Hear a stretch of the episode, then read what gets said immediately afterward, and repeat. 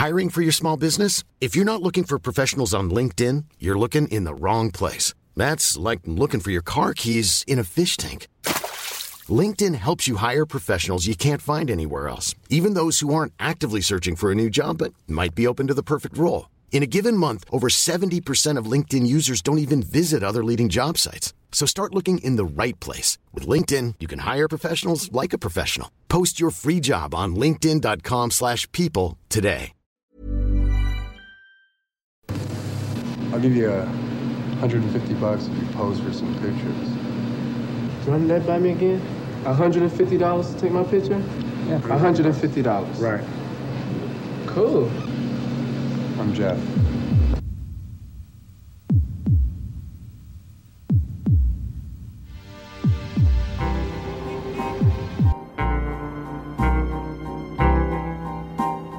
Well, you never heard anyone before? No. Never? Everyone knows his name.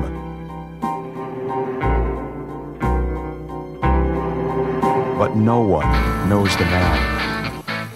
Okay. Why don't you just leave him alone? He's not a sideshow attraction. I'm just like anybody else.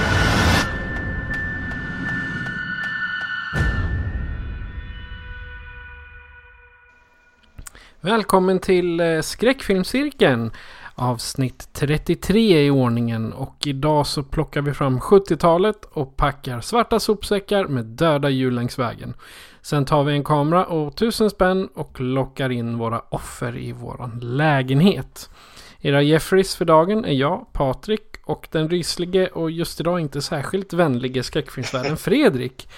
Eh, dags att mörda loss, eller vad säger du Fredrik? Sätta tänderna i lite folk här. Alldeles utmärkt. Det, nu, jag har haft lite mardrömmar de senaste tre dagarna av en sån här liten blond eh, sleazy guy som går efter mig där på gatan och håller en kniv i handen. Det är ingen idé att ta emot några drinkar av den karln. Inte ens om han vill eh, betala för att fota oss. Nej, det är lite red alert då. Hur är det med dig annars? Jo, det är bra tack. Jag pluggar på. Nu kryper det ju sig lite närmare mot halloween här och det ser jag fram emot.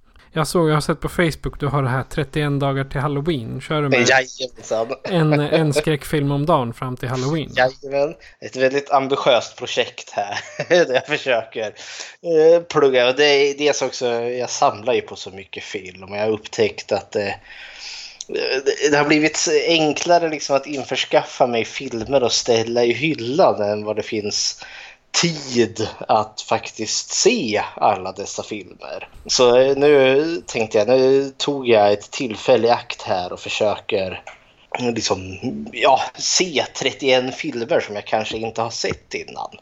Det har, det har gått lite sådär. Men det har blivit en hel del nytt ändå, så man har sett en del skoj. Okej, men då kan vi glida in på den vanliga då. Att vi pratar om vad vi har sett sen sist. Så då kan ju du få börja. Jag har ju sett sjukt mycket här. Du får kanske välja de eh, Ja, mest kan- populära där då. Ja, eh, jag såg... Eh, så, såklart så såg jag ju Stephen Kings nya In the Tall Grass. Så en Netflix exclusive film. Den vart jag ju sjukt nyfiken på. Den kommer väl mest bara i kölvattnet utav det kapitel 2 där. Och det, från trailern så förväntade jag mig att det skulle vara en dum film. En underhållande men dum film. Och det kan jag väl tycka att den var.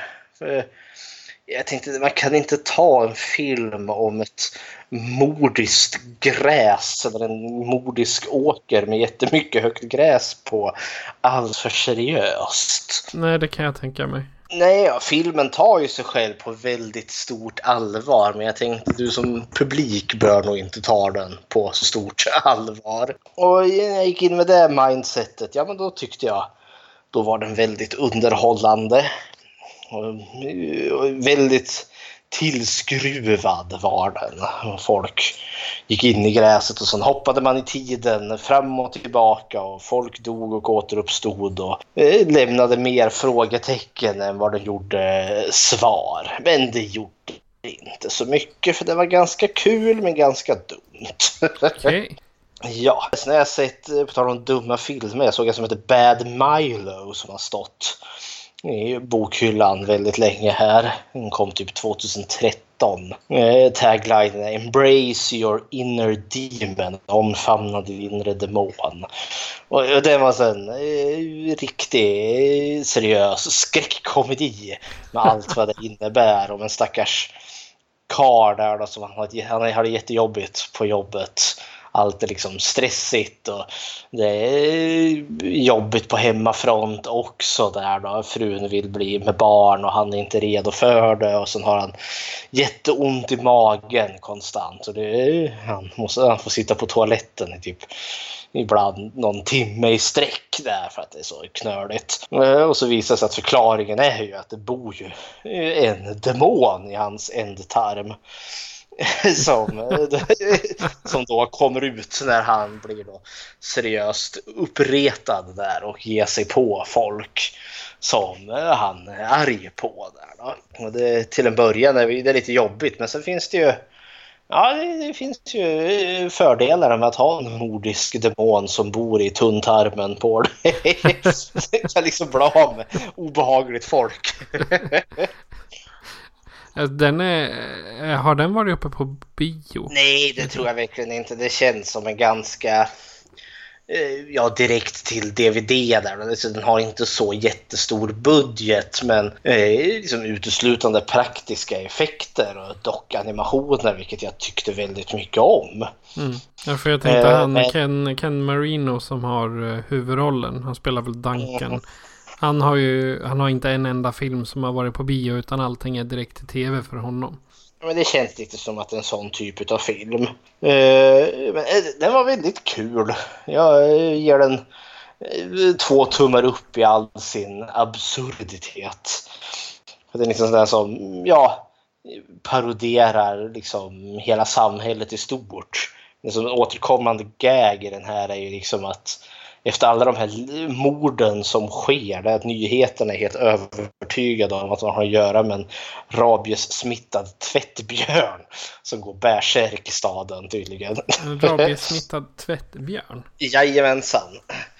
Eh, så, och ingen verkar ifrågasätta detta att en tvättbjörn skulle kunna eh, ja, göra slut på en fullvuxen människa. Men nej, nej. Eh, jag såg en eh, som eh, vart genuint överraskad, eller positivt överraskad. Det var en film från 2009 som heter The Ruins.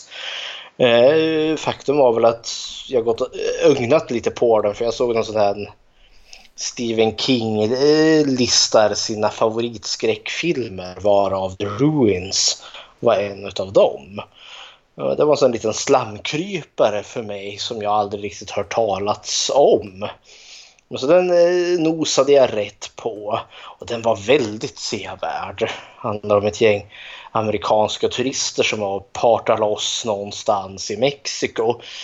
Eh, och sen börjar det närma sig slutet på deras turistvistelse. Och då vill de kanske göra något mer för de har mest liksom eh, partypartajat och badat i poolen. Och så möter de några tyska turister där som är på väg. De ska ut och se någon gammal eh, jag vet inte, Inka det är väl fel ställe, men det är någon gammal ruin från någon gammal civilisation. Och då tänker jag, det hänger vi på så vi kan liksom få ett liksom genuint minne mer än bara Playa del Sol. Och eh, det som verkar exklusivt just den här ruinen finns ju liksom inte ens med på turistkartorna. Så man tänker att oh, det är kanske är någonting helt nytt. Och så kommer de ju dit. Och så visar det ju sig att den här ruinen är... Eh, det finns folk som bor runt omkring ruinen. Och de är inte att leka med. De är helt rabiata och talar ett språk som de inte riktigt förstår. Eh, och det, någon av dem, ja, där försöker liksom ja, men prata sans med dem där. Ja, men, eh, vi skulle inte komma här och störa. Så bara skjuter de honom rakt upp och ner i ansiktet. Så hjärnsubstansen blåser ut ur bakhuvudet på karln. Och så tvingar de liksom upp dem på den här ruinen för den är liksom nästan liksom formad som en pyramid ungefär. Och så blir de mycket fast. stora namn i den filmen. Ja, den var trevlig. Och där blir de fast. Eh, och kommer inte därifrån. Men så finns det ju någonting i den här ruinen som eh, ja, hotar deras säkerhet. Jag vill inte riktigt spoila vad det är. För Det var ganska creepy och det var ingenting som jag liksom vanligtvis ser som det stora hotet i, i, i, ja, i typ såna här filmer. Jag tyckte den här var väldigt effektfull. För det var också, jag hade lite det jag efterlyser. Eh, liksom, dels för trevliga karaktärer men så var det också karaktärer i en liv och död situation. Och de agerar smart. Liksom, de agerar liksom, jag tänker att ja, men det här känns klokt. Eh, jag skulle kanske kunna ha gjort de här valen jag själv. Och ändå går det åt skogen. För det ökar verkligen känslan utav skräck och fasa och utsatthet. Alltså det, den var en väldigt positiv överraskning för mig. Eh, så den är jag glad att jag har sett och den kan jag starkt rekommendera för skräckfilmsdiggaren. The Ruins från 2009. Jag kan tänka mig att de fick se en hel del. För det är väldigt fina se, alltså, bilder över där de är. I, Mhm. i filmen alltså. Området. Ja, det är mycket, väldigt mycket av filmen är också filmad i, i dagsljus. Och det är, liksom, det är skräck mitt på ljusan dagen. Ja. Och det funkar väldigt väl. ja. Nej, för jag kollar på lite bilder ifrån den nu. Jag ser ju nästan Deliverance Mhm. i den här. Ja, fast mer knuten till en enda plats Ja. i sådana fall. Många stora, stora namn som är med också. Mhm. Som gick vidare och vart... Ja, fick väl någon form av karriär misstänker jag. Ja, Jenna Malone som spelar Amy. Hon är ju med i eh, The Hunger Games. Mhm. Och spelar en av eh, karaktärerna där. Hon, jag kommer inte ihåg vad hon heter bara för det. Men eh, Jonathan Tucker, han var med i eh, Motorsågsmassakern, remaken. Uh. Fast det var innan den här i och för sig, men ändå. Sen har han bara varit med i tv-serier. Och han gjorde rösten i Call of Duty eh, World War 2. Mhm. Westworld har han varit med i. Se där. Ja, och sen har vi ju Sean Ashmore. Han... Eh, nu minns inte jag om det är han eller hans tvillingbror som är med i Smallville också. Eh, han spelar... Jo, där. Er- Eric Summers, eh, fotografen där. Är han med. Och sen är han med i Netflix-serien... eh, Nej, det måste vara hans bror då. Som är med i Netflix-serien Designated Survivor. Då tror jag Okej. det, det tror jag är hans bror. Aaron Ashmore. Jag Inte säga, jo det är det. Det är Aaron Ashmore som är med i Smallville. Och sen är han med... För där är han med i ganska 53 avsnitt. Den andra han var med två. Så jag, de, är de ju tvillingbröder med två minuters mellanrum. Så jag gissar att de skickar in tvillingbrorsan när det liksom, nej jag är sjuk idag. Okej, vi tar in tvillingbrorer. Sean Asmore är väl kanske mest känd för att han spelade Iceman i X-Men-filmerna. Precis. Och Aaron har en längre tid inom tv. När jag tittar på hans sida. Mhm. Nästan bara tv-filmer och tv-serier. Ja, har du sett något mer skoj? Jag har sett en hel del, men vi skulle aldrig komma härifrån i sådana fall. Då hade det blivit så här senast sedda i två timmar. Mhm. Nej, jag har, jag, har, jag har faktiskt inte sett någonting annat än eh, Damer-filmerna. För jag har varit ute på resande väg och jag har jobbat. Och sen när man kommer till soffan då somnar man. Mhm. Så att, eh, men jag började kolla på, eh, idag så började jag kolla på nya avsnitt på, från Flash. Mhm. Som hamnar på Netflix. Den kom i säsong 5. Jag har ju redan sett den en gång på annat ställe men det tål ju att ses igen så att säga. Det har kommit nya på Netflix med eh, Arrow också. Se där. Så, ja, det är två trevliga serier. Ja, det är vad du har sett och vad jag inte har sett. Men eh, eftersom vi ska prata om Jeffrey Dahmer idag så kanske det är bra att eh, vi får veta vem Dahmer var. För han lever ju inte längre. Och det kan du berätta. Jag kan ju det. Jag tror han är väl en av de mer beryktade seriemördarna som har funnits i Amerika här. Det brukar ju vara, hans namn brukar ploppa upp när man pratar om seriemord. Och kanske man ska eh, definiera vad ett seriemord är för det första. Eh, och ett seriemord är ju, ja, det, det, går ju lite i titeln. Det är en serie utav mord. Det betyder alltså att det är fler än ett mord. Men då är det i regel eh, ungefär tre mord som har skett över ett större tidsintervall.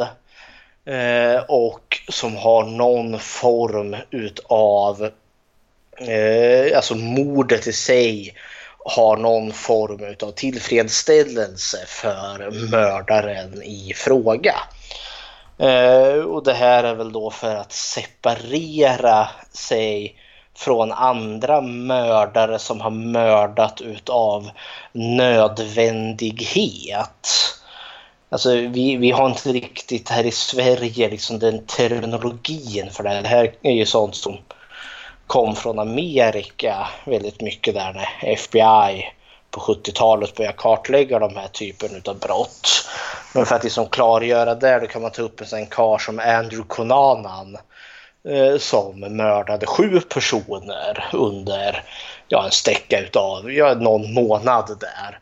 Eh, och då kan man ju tycka att det, då borde ju han vara en seriemördare men han brukar räknas som en spree killer. Eh, och med det menas det liksom definitioner att Kunanan, han, när han mördade så var det liksom att jag behövde pengar eller han behövde en bil, eh, han behövde bensin, han behövde någonstans att sova. Liksom han mördade liksom för att klara uppehället. Och det finns en väldigt bra tv-serie som heter American Crime Story. The Murder of eh, Versace Eh, som då porträtterar Kunanans brott. Eh, och det är väl det då som skiljer sig till seriemördaren. Där liksom mordet eh, är då eh, någon del i mördarens liksom personliga tillfredsställelse. Som säg eh, Theodor Bundy, Ted Bundy där var det ju offrets lidande som gav honom sexuell njutning. Han, eh, och sen mördade han ju dem för att liksom komma undan med det. Och typ Zodiac-mördaren som de aldrig tog. Det var det väl egentligen aldrig morden som var intressant för honom utan det var ju hans katt och råtta-lek med polisen. Men han behövde ju mörda folk. Eh, för att kunna få detta. Och i damers fall så fanns det ju liksom sexuell njutning och då var det ju kanske inte morden i sig utan det var kroppen han behövde. För liksom det var ju efter mordet som han fick den stora njutningen. Så det är liksom för att klargöra lite vad som är en seriemördare och inte en seriemördare. Eh, så, har jag rört till det bortom vett och sans nu? Ja då, nej det har du inte. Jag har då så. så. och Jeffrey Dahmer då? Ja, Dahmer han eh, föddes ju då 1960. Eh, Jeffrey Lionel Dahmer. Född 1960 och han dör 94 då i en ålder av 34 år. Pappa heter Lionel och mamma heter Joyce Damer. Och han, har, eh, han kom senare att få en lillebror som då heter David, eller heter David. David finns fortfarande kvar. Eh, pappa kom att bli kemist i slutändan. Eh, och det kommer att spela en väldigt stor roll i Damers eh, liv här sen. Och hans mamma var något som hette teleprinter. Eller åtminstone eh, något jag förskökte översätta det till. Och jag var Sekre sekreterare. Alltså hon, ja, hon fast... skriver av eh, dik diktamen. Okej. Okay. Ja, för jag, det hade något att göra med någon sån mer primitiv datateknik. Nej, hon, eh, hon skriver av, för läkarna skriver ju inte journal själva utan det är ju en läkarsekreterare som gör. Okay, och då för, så skriver hon av diktamen. Ja, för det som jag fick så hade, hon, hon, hon, skrev inte av som läkare utan i hennes fall så var det något att hon, hon skrev av just någon form av jäkla datakommunikation på tidigt 70-tal, ja 60 blir det ju till och med. Eh, som jag inte riktigt varit klok på. Men eh, hon är väl någon variant utav ja, sekreterare då. Eh, det finns lite olika uppgifter kring damers liksom, tidiga liv. Eh, som, som går isär eh, med varandra. Eh, en säger liksom att eh, när han väl var född, Jeff, så ska hans mamma då ha negligerat honom ganska hårt. Eh, och hon ska också ha missbrukat eh, lugnande medicin under graviditeten. Eh, men det finns också de som beskriver liksom att eh, hon var väldigt kärleksfull med sin första son där och sådana saker. Eh, så där vet fåglarna vilket det är som gäller. Eller om det är både och. Hon hade bra dagar och kanske dåliga dagar. Men däremot så är då hon, hans mamma Joyce beskriven som en extremt spänd kvinna och extremt grälsjuk. Hon sökte typ jämt uppmärksamhet och tröst från andra, inklusive sina egna barn. Där. Så hon, hon kämpade nog en hel del med sig själv. Hon, eh, ja som sagt, hon var ju väldigt villig att bråka med andra personer överlag. Och eh, när damer börjar i den amerikanska motsvarigheten till lågstadiet. Då var hon i ett stadie av nästan konstant sängliggande. Och här ungefär samtidigt eh, så började hans pappa Lionel då att eh, plugga på universitetet till kemist som han senare blev, vilket gjorde att han sällan var hemma. Eh, och Joyce mådde väl inte bra utav detta. Hon kunde bli hysterisk för mindre och hon vart under den här perioden beroende utav lugnande medel. Och då är frågan, eh, var hon redan beroende på det under sin graviditet eller kom det senare under småbarnsåren där? Men hipp som haver, hon försöker senare ta sitt liv med en överdos där då. Men eh, hon överlever ju det. Så bilden jag får är ju liksom att eh, damers föräldrahem är inte en harmonisk plats. Eh, mamma Joyce mår ganska dåligt och pappa Lionel är, eh, vad heter det, ganska frånvarande. Eh, han är också beskriven av typ lärare som att eh, han han var ganska trevlig som pojke damer. Men han eh, var också ganska timid och ganska tillbakadragen. Eh, och något som jag upplever här nu när jag har läst mig in i lite hans liv som är väldigt återkommande, att det är väldigt många som skriver liksom att eh, man anade oråd i den här familjen. Att det någonting är inte riktigt som det ska vara. Men eh, man rapporterar inte, man gör liksom ingenting utan man låter det bara fortgå.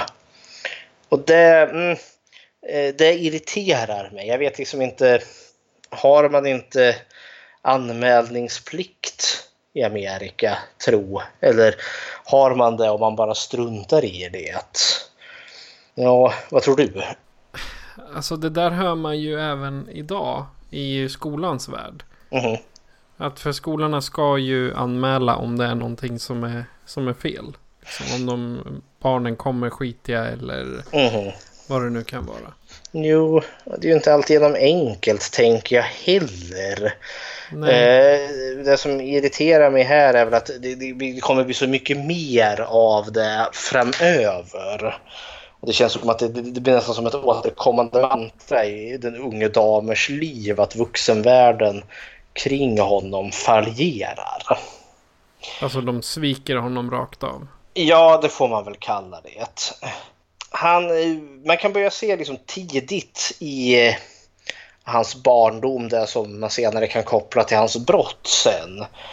Eh, för hans eh, pappa har berättat att någon gång vid något tillfälle eh, hade väl han, eh, pappan då, alltså hittat något dött djur under deras typ veranda eller något sånt där.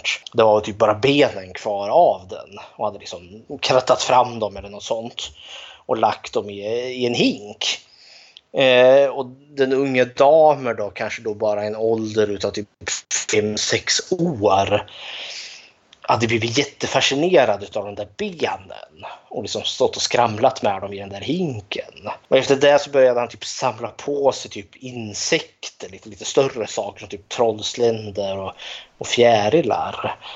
Och det är väl inget märkligt men det har jag ju sett liksom så här fjärilssamlingar där man trycker fast dem med en nål. Uh, men eh, någonstans går ju det där över till att bli lite mera, liksom, det blir större djur. Han börjar ju samla på sig eh, djur från, eh, från vägen som har blivit överkörda. Eh, och han gillar ju liksom att ja, inom situationstecken studera de här döda djuren, hur de ser ut på, på insidan och framför allt de här benen. Och Papalaino är väl ganska bekymrad över detta. Men vid något tillfälle där då så eh, är det någon kycklingmiddag. Eh, så ska då den då åttaåriga damen undrat om man kunde bleka kycklingbenen. Och hans pappa tyckte väl liksom att ja, det, det, det kan man väl. Han håller ju på att bli kemist här. Och lärde väl honom ändå liksom hur man kunde göra detta. För han tänkte ja, då kanske han kan få, det finns ett intresse här för kemi eller något sånt där. Och tänkte jag liksom, det är väl bra för honom att få något eh, något sådant intresse. Och det eskalerar, alltså där han, han lär sig hur han bleker ben och han lär sig också hur man typ med hjälp av syra eh, liksom eh, kan eh, få bort liksom kött från de här benen. Eh, och det här fortsätter ju ganska långt. Han har ett litet skjul ute på, eh, på bakgården vid det huset som de bor vid. Där han då samlar till sig de här överkörda djuren. Ja, jag, jag, kan förstå att eh, familjen är lite lätt bekymrad här. Då. Liksom, det känns som ett litet lätt makabert intresse av att ha. Liksom. Visst att man kan få en hobby just men, men när min, min 12-åring samlar på överkörda djur och smälter ner deras kroppar i syra i en bod. Eh, eh det, det, det är lite lätt märkligt tycker jag. Lite. Lite. Men eh, det får, han har väldigt svårt för att få vänner. Uh, han beskrivs som oftast apatisk. Uh, I de tidiga tonåren, här kommer jag återkoppla till det som jag tycker den här vuxenvärlden som sviker, är ju just att han vid 14 års ålder uh, så smugglar han liksom med sig alkohol. Eh, till, eh, till skolan. Och det är liksom allt från öl till ganska stark sprit. Eh, som typ gin och liknande. Det är starka prylar. Det är starka prylar. Alltså, det, det, det kan ju inte ha gått lärarna förbi att liksom, man lär ju lukta, tänker jag. Man har ju märkt liksom, när man mött liksom, fyllesar på stan. Och jag menar, är du i en skolmiljö och så kommer det in en 14-åring och som stinker alkohol. Jag, jag vill ju tänka mig att någon borde reagera. Uh, han hade liksom fått frågan av någon jämnårig elev och då hade han liksom svarat att det här är liksom min medicin. Uh, men det verkar inte hända särskilt mycket. Uh, sen när han kommer in i puberteten då börjar han liksom sex, eh, blir sexuellt intresserad av just män. Eh, och det är väl ganska tabubelagt. Och han kan ju inte påstå att han liksom har liksom det största stödet hemifrån. För det, det, fortsätter med de här oroligheterna hemma och hans mamma går liksom in och ut ur sitt missbruk och är konstant grälsjuk. Men han, han har lite skumma tankar ganska snabbt. Alltså han, eh, han fantiserar om att han skulle totalt dominera en undergiven man. Och det är inget skumt med det liksom med folk som gillar liksom vad, vad kallas det? Powerplay eller ja, men någon är dominant och någon är eh, vad heter det, undergiven. Så det är inget märkligt med det. Men i hans värld så eh, är det liksom alltid våldtäkt som gäller. Eh, och det finns en man som är ute och joggar som han tycker eh, ser ganska mumsig ut.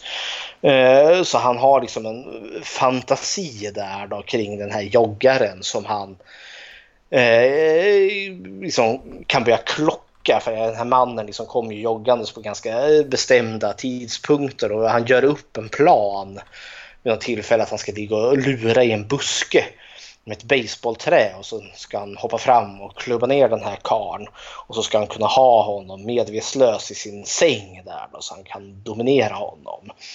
Men nu blev det inte så. Men han har ju berättat i förhör långt senare att det var första gången liksom han började liksom fantisera eh, kring eh, att ge sig på människor. Tiden eh, tickar på och han blir äldre. Eh, och han går att bli någon form av klassens clown. Eh, han eh, är ju det här han kommer träffa den här personen som skriver serietidningen som den sista filmen vi kommer, eh, kommer prata om idag är baserad på. Eh, det var väl ett sätt kanske att få uppmärksamhet eller något sånt där. För han börjar göra liksom, han, han fejkar att han får ha typ several pares, liksom, så ryckningar i, i kroppen och att han eh, fejkar epileptiska anfall.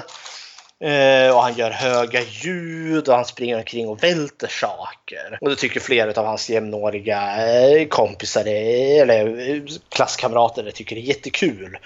Och man börjar liksom kalla det att göra en dam damer. Och det är då han träffar den här mannen Durf som senare kommer att göra den här serietidningen Min vän Damer. Och eh, de spexar på en hel del där. Så det är väl liksom bland de få gånger han kanske har någon form av inom situationstecken normalitet i sitt liv. Trots allt detta stök och en eskalerande miss, alkoholmissbruk eh, Eh, så beskrivs han som en intelligent student. Eh, han spelar också tennis och han är med i en musikkör där han spelar typ blåsinstrument. Men han beskrivs också som väldigt tafatt och väldigt apatisk. Eh, vartefter vart efter missbruket tilltar så börjar det liksom påverka hans studiegång också. Och i slutändan så mm, tar han en examen med liksom knapphändigt godkända betyg. Och på hemfront blir det också seriöst jäkla stökigt mellan Lionel och Joyce. Eh, det, det, är så pass mycket stök att i slutändan så tar Lionel, alltså pappa där då, sitt pick och pack och så sticker han därifrån och liksom bor på hotell. Eh, och eh, i slutändan blir det så att Joyce blir en, får ensam vårdnad till, eh, till damer och till David då, hans yngre bror där. Men Joyce är liksom inte, hon är inte stabil för fem öre. Eh, lagom liksom till att damer har tagit ex, tar examen, då har han fyllt 18 år och i lagens mening är han inte längre barn utan nu räknas han som vuxen. Eh, och hon Joyce tar ju med sig då den tioåriga David. Och sen sticker hon. Hon sticker till damen lite pengar här. Liksom. Ja, ta hand om dig nu. Eh, och huset här. Och sen piper hon iväg. Och lämnar då liksom damer ensam. Ganska så direkt efter så, ja, eh, hans eh, examen ifrån Ja, vad blir det när man är 18 år? Det tar man studenten då typ? Eller nej? Ja, gymnasiet. Ja, gymnasiet. Då måste ju bli studenten där, 18-19 där. Så liksom han, han får fira sin examen ensam men hemma. Eh, och det är här då vi kommer till det första brottet, det första mordet på en människa då ska vi väl säga. För det, det hör till, liksom, damer har ju plockat djur och sådana saker som har varit överkörda på vägen. Men det har ju försvunnit lite djur också på, mm, vad heter det, eh, i grannskapet exempelvis hittas det ju som en uppsprättad hund vid ett tillfälle där huvudet på hunden, eller snarare kraniet, utav hunden liksom satt på en påle liksom mitt ute i skogen. Så damer har väl börjat ha ihjäl djur tänker jag. Men eh, som sagt, eh, jag tror det är bara några dagar efter att eh, han har tagit sin student och blivit lämnad ensam då han plockar upp liftaren Steven Hicks. Eh, en kille då som eh, ganska, eh, han skulle fylla 19 år inom några dagar men eh, han kommer inte att göra det. Eh, den här eh, killen Steven på väg till någon konsert och liksom liftar väl och damer glider upp vid sidan om honom och undrar om inte han vill följa med honom hem och eh, dricka lite och eh, röka lite braj. Eh, så blir det ju. Jag håller väl på där i några timmar tid som är att Hicks känner att nej, nu vill han åka vidare och damer vill inte att han ska gå. Och det slutar då med att damer slår honom i huvudet med en hantel två gånger. Eh, och sen om jag nu förstod det här rätt så har han strypt Hicks med att liksom placera själva handtaget på hanteln liksom runt hans hals och sen händerna på vardera sida tyngd och sen liksom tryckt. Eh, han har väl stått på hans rygg eller stått gränsle över hans rygg och liksom strypt honom med själva hanteln. Han kommer ju att dissekera Hicks. Eh, och för han är, han är ju ensam i det här huset. Och han har ganska lång tid på sig och han vet inte riktigt vad han ska göra med kroppen. Han kommer att gräva ner den på, eh, eh, på, på bakgården bara för att några dagar sedan gräva upp den igen. Eh, och i slutändan stycka kroppen eh, och sen då med hjälp av pappas eh, kemikalier där smälter han ju kroppen så han får loss köttet från benen. Och det här köttet och den här slemmigt i, i syran där. Det spolar han ner i toaletten. Benen krossar han med en slägga. Och så sprider han typ benmjölet i skogen. Så Steven Hicks liksom upphör att existera. Det finns liksom inte en kropp kvar ens en gång. Eh, damers pappa kommer tillbaka efter eh, ungefär sex veckor Eh, för mamma Joyce har liksom inte eh, förklarat att eh, eller berättat för sin exmake numera att hon har tagit deras yngsta och stuckit men lämnat äldsta kvar. Så han hittar ju damer i ett ganska nerdekat tillstånd.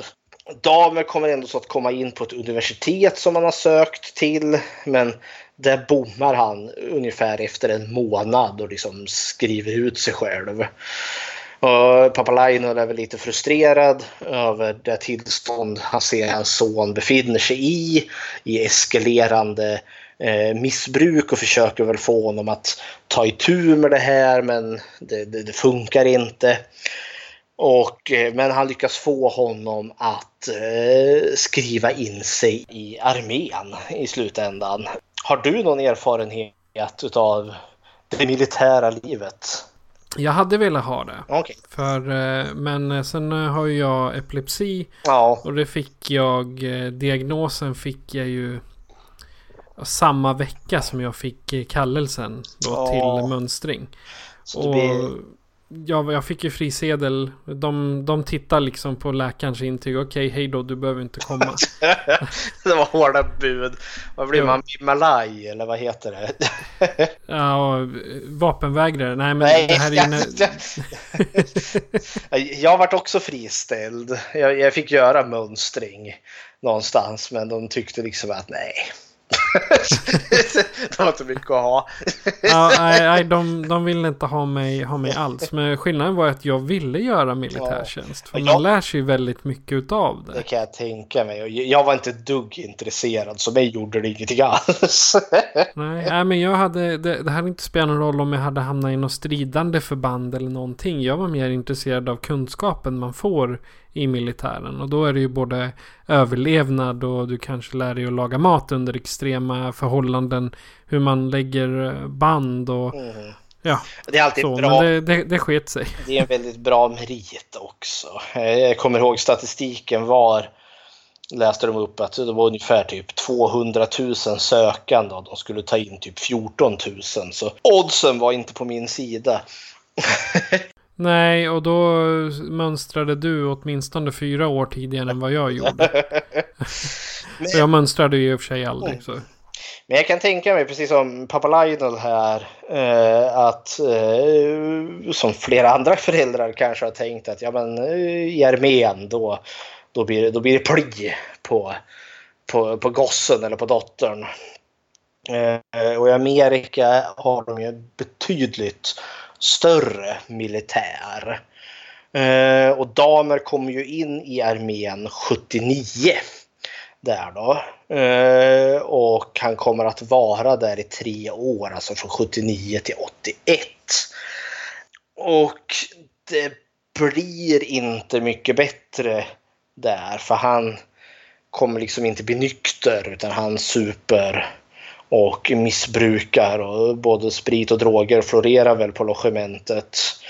Han är även också så här i efterhand misstänkt att ha drogat och våldtagit två soldater under den här tiden. Eh, I slutändan är det så bökigt att eh, militären de friställer honom. Dock så ger de honom något som kallas för en honorable discharge. Jag var tvungen att kolla upp vad det betydde och det är liksom att han, han går ut med goda vitsord ändå. För att de tänkte väl säga att ja, men det här är bara så här pojkstrul eh, som händer här. Eh, och nu och att liksom utanför det militära livet så, så kommer han liksom att eh, sköta till sig. Och jag tänker liksom, nu vet ju inte jag om det här med liksom våldtäkterna, om det var liksom känt eller om det var något man höll tyst om. För det var väl extremt skamligt på den här tiden. För jag menar liksom mellan 79 och 81 i Amerika, eh, det är inte ett hbtq-vänligt land. Det är väl inte Sverige heller för den delen på den här tiden. I världen överhuvudtaget. Ja, men jag har så svårt för det, liksom, där de ger honom foten för är att han har ett eskalerande missbruk. Han super ju skallen i bitar och tar droger. Eh, och återigen så liksom ger man liksom istället för att liksom tvinga in han i någon form av rehab så liksom bara nej du får gå. Och så även här, liksom, under, så hans, hans mamma och pappa kan inte hjälpa honom. Skolans värld verkar inte heller kunna hjälpa honom. Och i det militära verkar heller inte funka. Nu hör du väl till också att nu när han är i det militära då har ju faktiskt damer begått ett mord redan och med största sannolikhet också två våldtäkter. Damer skäms lite över detta. Han törs inte riktigt åka tillbaka så han kommer att tomta runt i Florida i ett halvår. Så han inte behöver åka hem till pappa där och liksom erkänna att han eh, vad heter det, har gjort bort sig. Och det, det funkar i ett halvår för han, han har väl lite pengar och han hittar väl något ströjobb där. Då. Men sen super han ju skallen i bitar och blir urfattig Eh, och så får han ju krypa till korset och flytta hem till pappa igen och hans och pappas nya fru.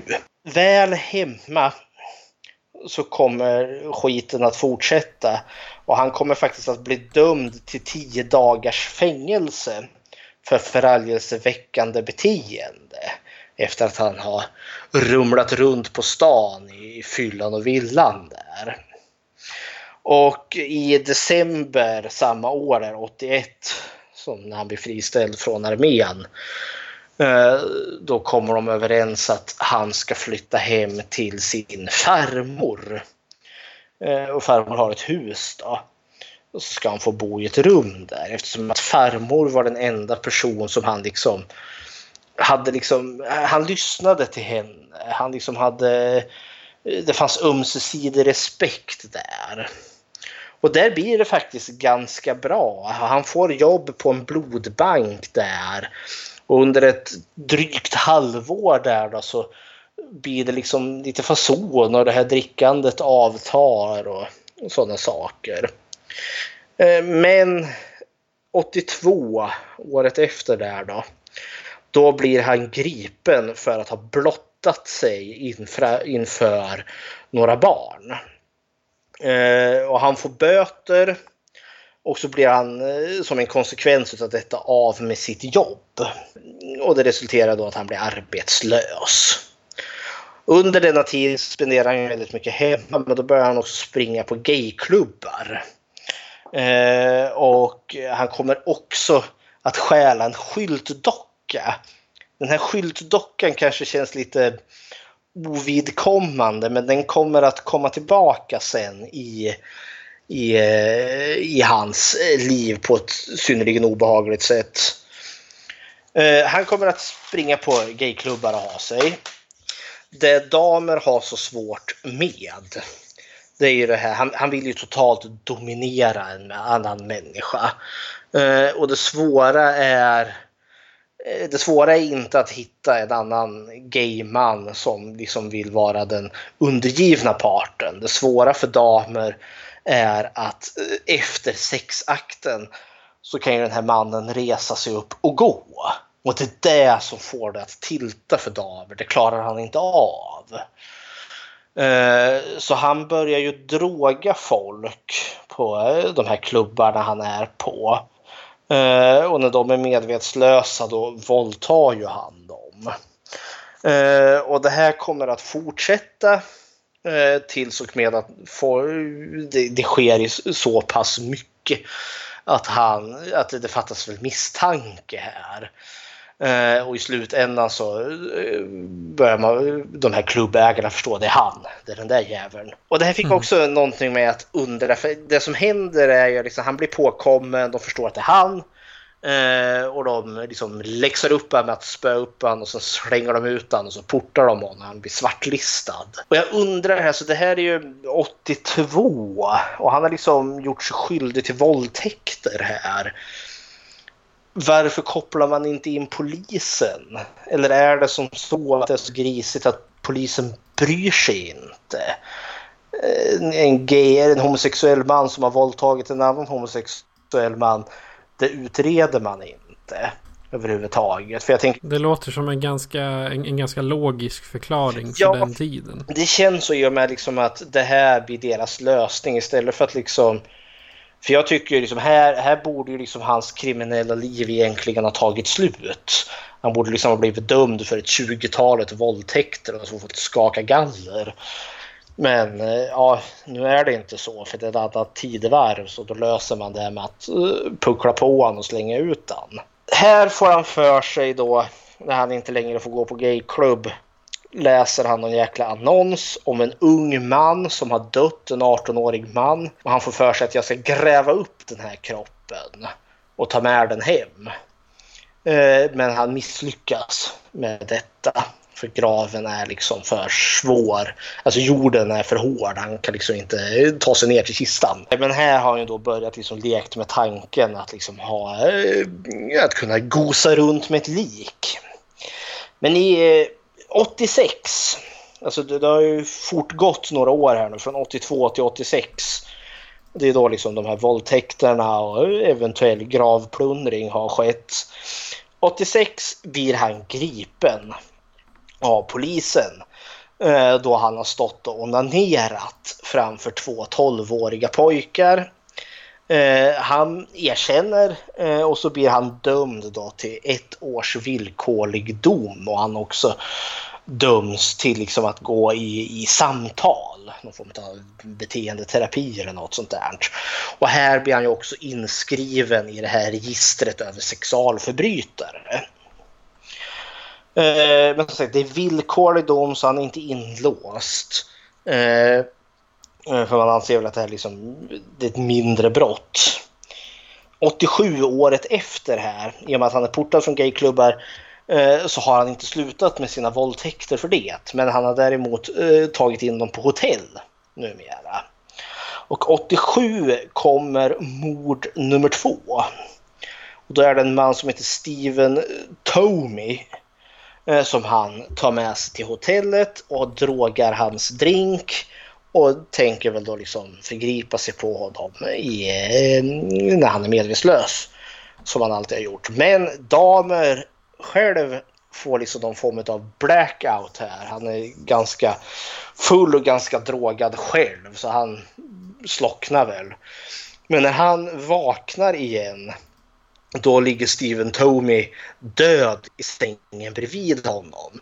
Totalt sönderslagen tydligen med skallen intryckt och bröstkorgen också liksom gapar ett stort hål i den tydligen.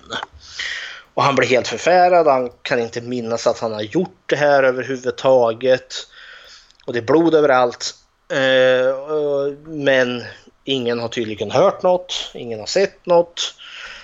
Så han snyggar väl till sig på toaletten och sen piper han iväg och skaffar sig en resväska. Eh, lite knivar, lite sågar och sen sågar han ju upp kroppen. Eh, och eh, stoppar ner i den här resväskan och så tar han med sig det till lilla farmor. Han kommer, I slutändan så väljer han att göra sig av med kroppen men han behåller huvudet. Eh, och huvudet eh, kommer han ha två, i ungefär två veckor. Han lindar in i ett örngott. Och så luktar det väl satan. Kokar han huvudet vid något tillfälle för att liksom få bort allt kött. Men eh, skallen kommer liksom att gå sönder. Den är väl skadad efter hans mm, misshandel på den här karn. Så han, han gör benmjöl utav den och gör sig av med den. Han kommer att mörda tre personer till medan han fortfarande bor hos eh, sin farmor. Och någon av de här kropparna kommer ju han att gömma liksom i, i, i grunden till sitt hus. Och det här skyltdockan kommer in igen. För han, eh, han behåller ju i regel huvudet på de här männen han har haft ihjäl. Och den här skyltdockans huvud har han plockat bort. Alltså det är en skyltdocka av en, en manlig skyltdocka då. Och så har han liksom satt huvudet på den här döde mannen på den här skyltdockan. Och så ligger han och gosar runt i sängen och liksom har väl inom situationstecken sex med den här kroppen. I eh, 88 så har farmor tröttnat på hans eh, liv. Hon märker ju att han tar med sig män på rummet. Han super som aldrig förr. Och hon står inte ut med det här och eh, tycker att nu måste han flytta hemifrån. Och det gör han ju. Och han flyttar in på, eh, i en lägenhet. Han, han hittar en, en billig lägenhet i ett ganska eh, ruffigt område. Eh, och han flyttar dit den 25 september. Den 26 september, dagen efter, lockar han till sig en 13-årig pojke som han drogar och våldtar och tar foton på. Eller ja, våldtar han sexuellt ofredad. Antastad. Han antastar, jag vet inte om det liksom är penetrativ sex här, men han liksom kladdar väl på honom och så tar han en jäkla massa foton. Eh, den här pojken dör ju inte men det, kommer liksom pojk, polisen till del. Han blir väl anmäld här. Eh, och eh, detta resulterar ju då i att Damer blir dömd till fem års villkorlig dom samt ett års straffarbete. Så återigen är han inte inlåst. Det här, han, han har villkorlig dom. Det betyder att han har liksom en övervakare på sig hela tiden. Och det här straffarbetet är liksom någonting eh, som han måste gå till. Det är väl någon samhällstjänstgrej eller något sånt där. Eh, men han är liksom hela tiden ute på gatan. Han flyttar ju dit 89 och han kommer att bli arresterad 91 så han bor i den här lägenheten i två år och under de här två åren kommer han ju då att mörda 12 män allt som allt.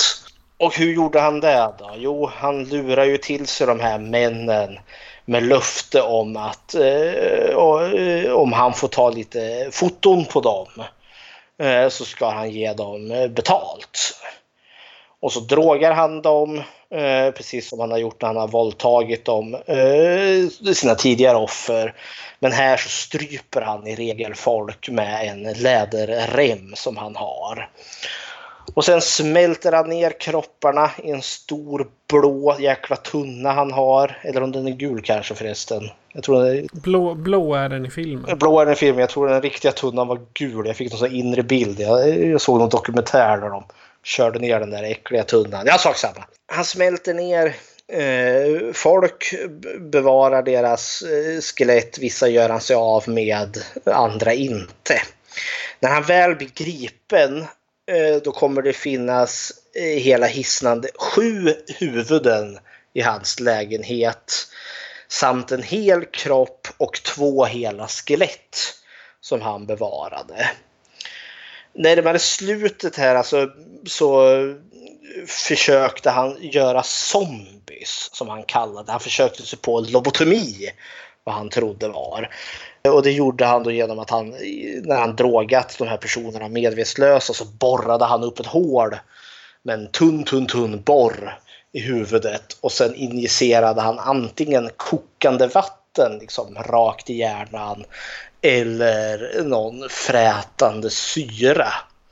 För det var ju det han ville ha. Han ville liksom ha en totalt viljelös människa som han kunde liksom få gosa runt med och liksom totalt dominera. Nu funkar det ju inte riktigt så i verkligheten. Och det kanske mest uppseendeväckande av de här morden är ju då på en 14-årig pojke, en koreansk kille som har ett namn som jag tycker är jättesvårt att uttala men jag ska försöka slakta det här namnet. Han heter Konerak och sen kommer efternamnet som är lurigt. Sinta Sompone. Ja, tror jag. Sinta Sompone. Sinta Sompone. Ja, ja. ja. Vi, be vi behöver inte säga det allt för många gånger. Men, eh, vi kan ju ta hans förnamn. Konerak. Det här är uppseendeväckande av många olika anledningar. Konerak, 14 år, visar sig vara den yngre brodern till den pojke eh, som han förgrep sig på när han flyttade till eh, sin lägenhet. Så det är liksom, de är släkt. Den här pojken drogar ju han ner. Han har ju lockat dit honom till sin lägenhet med luften om eh, betalning och allt det där. Och har borrat upp ett hål i huvudet på den här pojken och injicerat honom eh, med någon, eh, någon frätande syra. Och sen har ju han gosat runt i lägenheten där med den här pojken och supit ganska rejält. Och den här pojken är ju fortfarande vid liv. Han har till och med släpat in honom från sitt vardagsrum in i sitt sovrum där han i sin säng då har ett lik från ett av sitt senaste offer. Då. Eh, och lägger liksom grabben bredvid eh, det här liket i sängen. Eh, och han eh, fyllnar väl på ganska rejält och upptäcker att nu var ölen slut. Så han piper iväg damer för att eh, införskaffa sig lite mer sprit.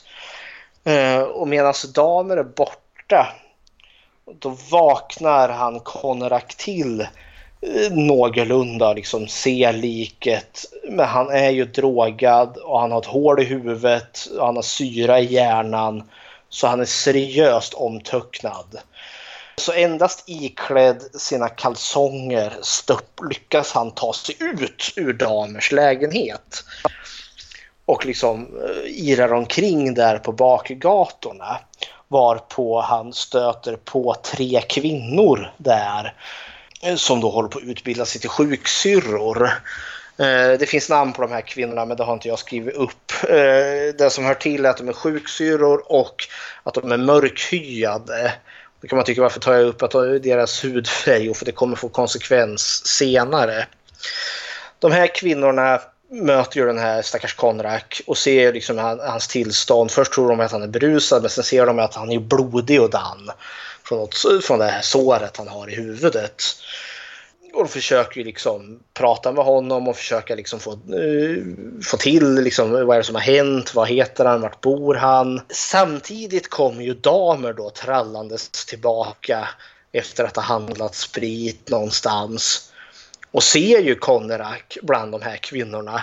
Och han, blir ju, han vill ju liksom, det här går ju inte för sig. Det, han blir väl skitnödig av skräck här för nu, nu är det ju fara och färde för honom. För han kan ju bli påkommen här.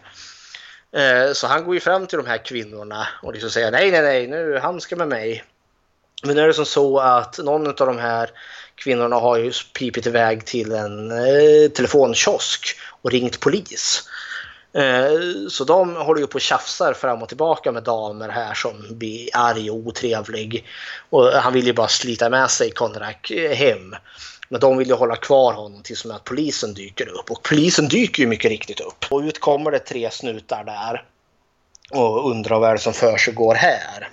Och då ljuger damer ihop en historia om att det här är en kompis till honom och han är typ 19-20 år och vi, vi, vi har partypartajat lite här. Och, nu har han blivit lite berusad och vi, vi, vi ska gå hem igen. Och så undrar de ja, men varför är han blodig? Nej, men han har fyllan och villan ramlat och slagit sig. Så polisen beslutar sig, ja men vi åker hem till dig då. Och de här kvinnorna kommer ju då att protestera högljutt men där lyssnar de ju inte alls på de här snutarna.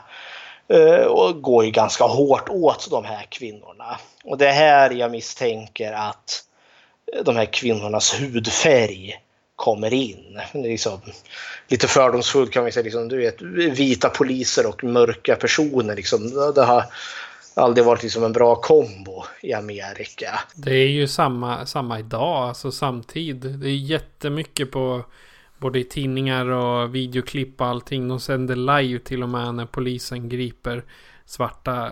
O, alltså man, man vet ju inte hur oskyldiga de är eller om de är skyldiga.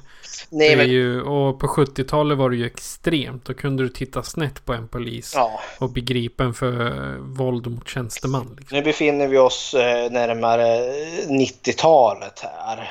För de här, ja, de här morden går ju mellan 89 till 91 här. Men jag, liksom, jag, jag får känslan över att de här poliserna tar inte de här kvinnorna på allvar. Trots att de liksom håller på att utbilda sig till sjuksköterskor så tror jag de avfärdar de här kvinnorna.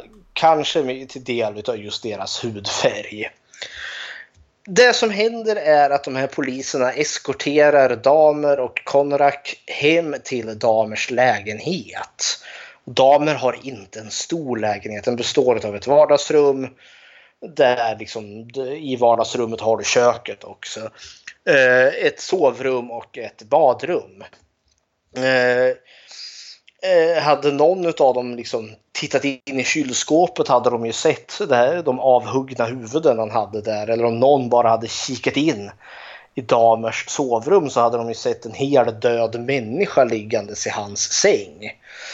Men Damer han eh, spelar väl iskall här.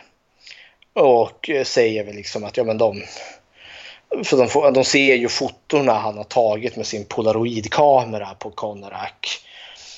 Och så undrar de ju liksom vad är det här då? Jo, och då säger han att ja, men de är ju Eh, ett kärlekspar. De har haft en liten fling här och poliserna tycker väl att usch bögar, det är äckligt. Så de säger åt honom att liksom, nu får ni skärpa er liksom och inget mer superi och vi vill inte ha något mer spring, vi vill ha lugn och ro.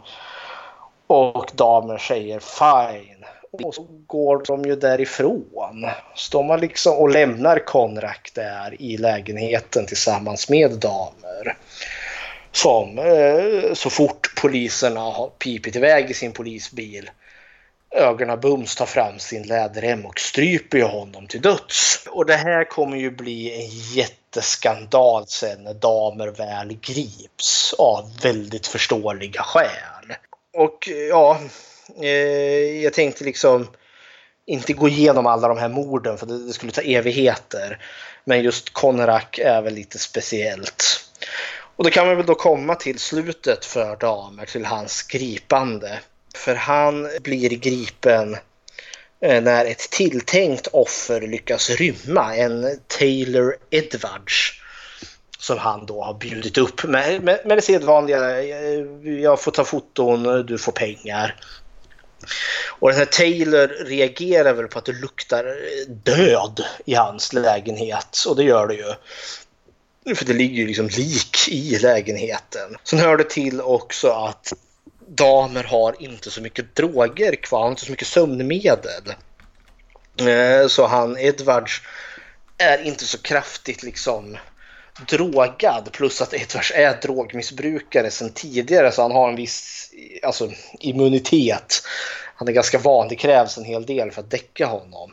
Och när det inte går som damer vill, han upptäcker att han Edvard inte liksom slocknar, då går jag han på offensiven och river fram ett gäng hangsfängelser, ett gäng handklovar och försöker klova fast den här Edvard. Men Edvard gör ju motstånd och damer, damer drar upp en kniv och hotar honom. Men Edvard visar sig vara starkare och liksom brottar omkull damer och så springer han ut ur lägenheten. Man har ju fortfarande de här hand, handfängelset fast på ena handen som damer han låsa fast.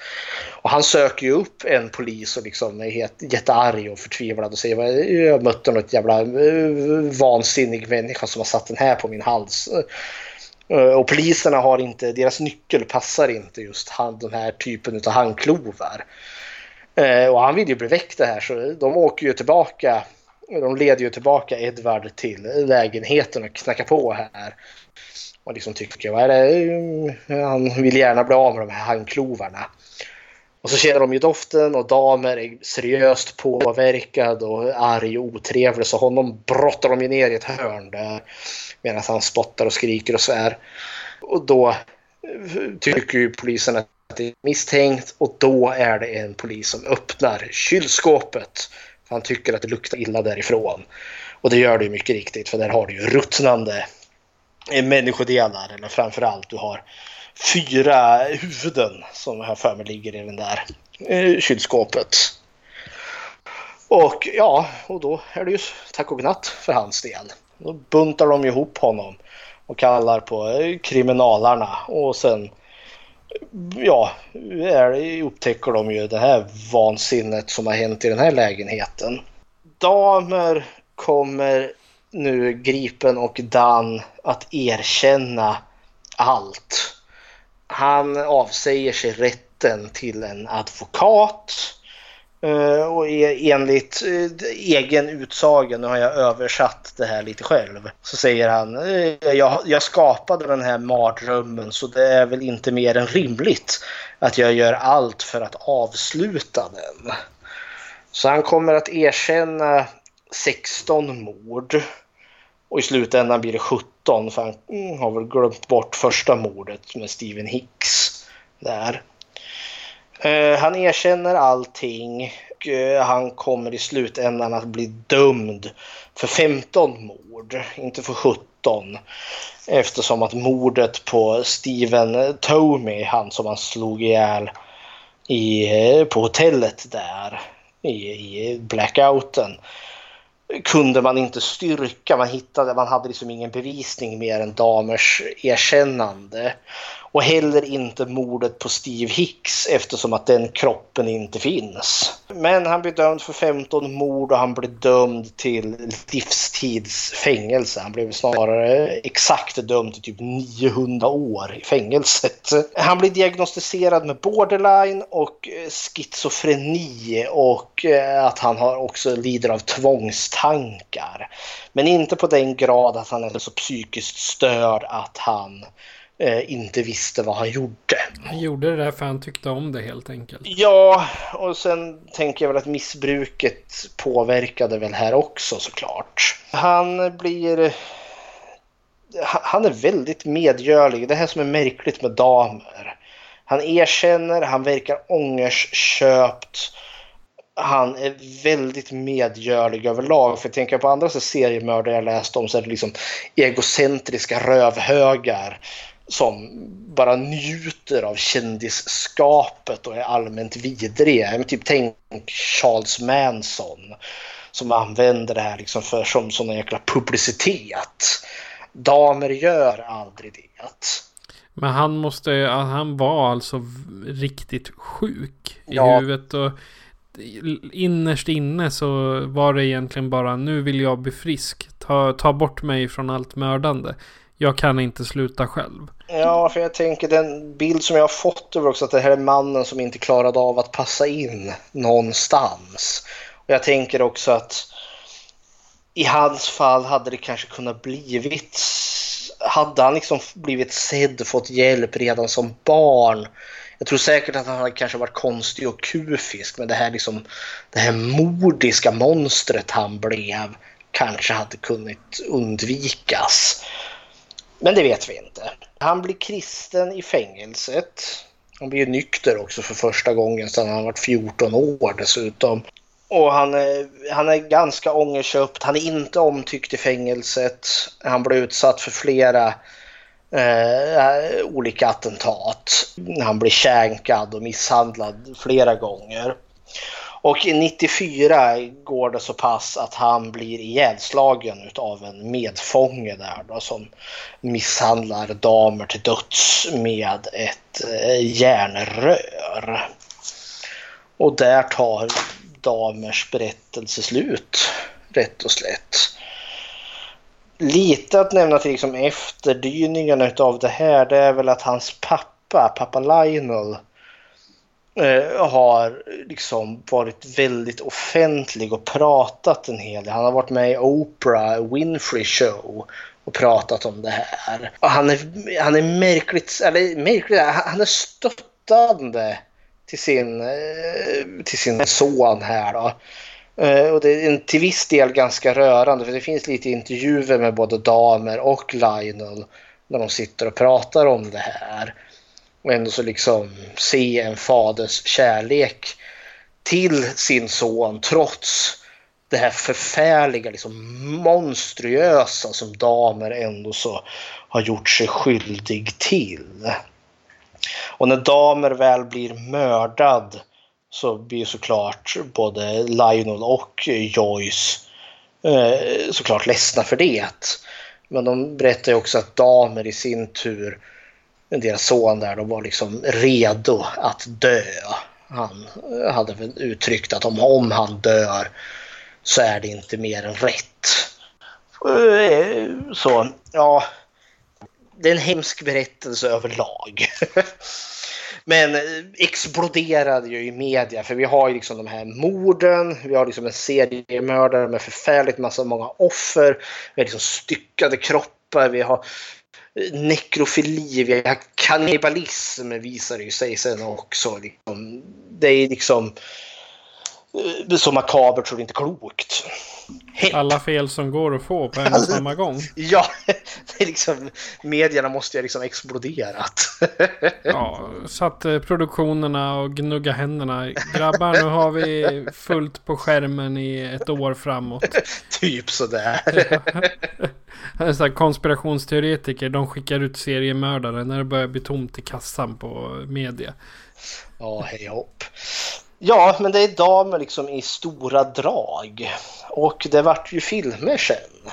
Som vi nu ska sätta tänderna i. Precis. Och vi, vi kan väl glida över till dem utan några vidare kommentarer. Det tycker jag. Väldigt intressant historia om Jeffrey Dahmer i alla fall. Och jag ska säga att det finns de här intervjuerna som du pratade om. De finns på YouTube en hel del. Men då ska vi börja med The Secret Life of Jeffrey Dahmer från 1993. Och den är reg- regisserad av David R. Bowen. Mhm. I'll give you a 150 bucks if you pose for some pictures. Run that by me again. $150 to take my picture? Yeah. $150. Right. Cool. I'm Jeff.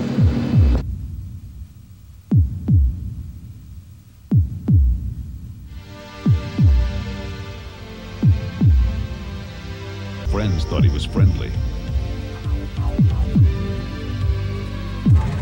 His grandmother was trusting. Listen, uh, I'm just gonna be having a few drinks with a friend of mine outside, okay? Okay. He convinced everyone he met he was sane. My grandma just lives down the street. We go over there and try to get some jumper cables or something, see if I can find them anyway. You know, uh, you gotta be really careful out there. Anything can happen. You, you, you just don't know who you're dealing with. I mean, Open up! Yeah, there's a problem, man!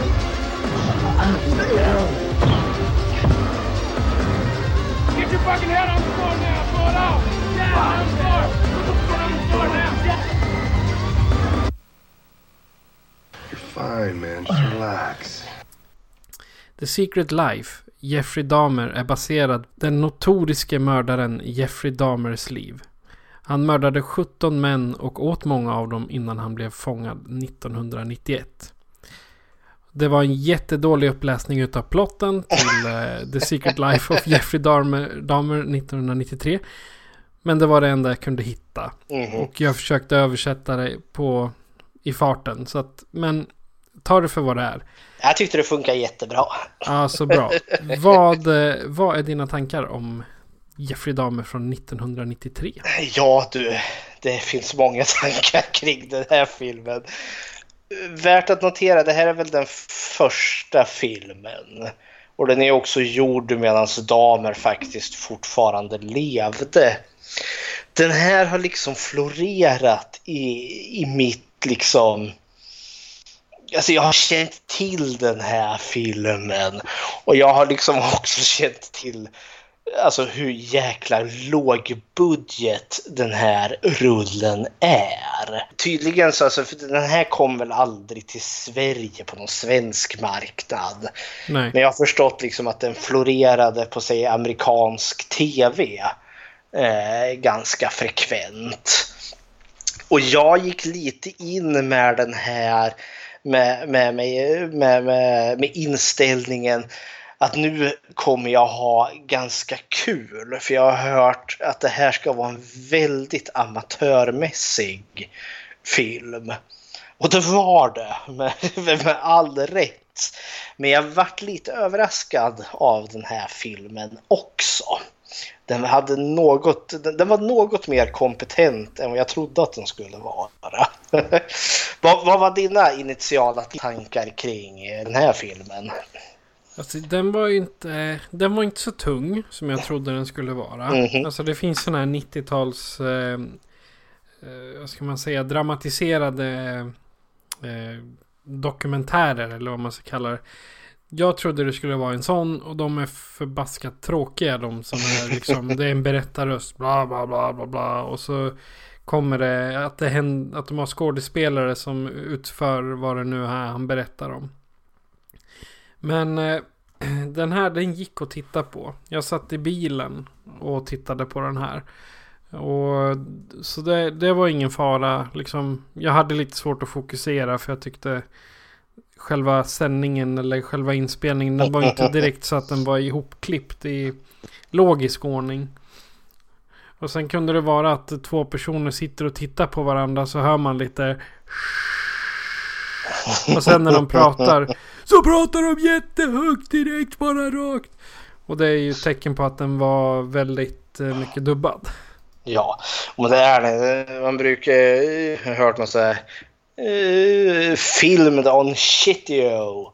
Alltså den här är ju filmad rakt till VHS. Alltså det är ju, under tidigt 90-tal så kom det ju flera sådana här filmer där man liksom filmade in liksom direkt på VHS istället för film. Alltså, eh, och det påverkar kvaliteten både bild och ljud. Och det här är ju en sådan film för den är ju dubbad. Vi har ju liksom under hela den här filmen så får vi liksom höra damers inre monolog typ hela tiden. Och det är väl liksom för att majoriteten av gången så hade de väl liksom uruselt ljud misstänker jag. Ja, för jag, jag läste på, um, på IMDB där all, alla dialoger är inspelade i regissörens hemmastudio. Ja, det förvånar mig inte för det är så, ljudet känns märkligt. Det känns som eh. de har spelat in det på typ kassettband. Alltså sådana här vanliga 3,5 eller det heter inte 3,5 men vanliga kassettband. Ja. Och sen eh, liksom bara stoppat i det i en spelare bredvid eh, 35 mm filmen och kört samtidigt. Ja, ja men det är, mm, det är bra amatörmässigt. Både liksom hur de har filmat den, hur ljudet är och skådespelet. Det kan ju vara som så att, för jag tänker det finns en hel del liksom dramatiska scener där de liksom ska spela ut som när, när farmor säger åt damer att nu får han inte bo kvar något mera och då bryter han ihop och gråter där. Det ska liksom vara stor drama, han gråter, farmor gråter. och det, dialogen är liksom så här, ah, det är ungefär som jag skulle nog, alltså om jag skulle skådespela liksom otränad, kan ingenting, då och jag ska fejka att jag är ledsen, ja då, då blir det nog ungefär så där. Det, det, det, det, mm, det, det, det, det gör lite ont i mig.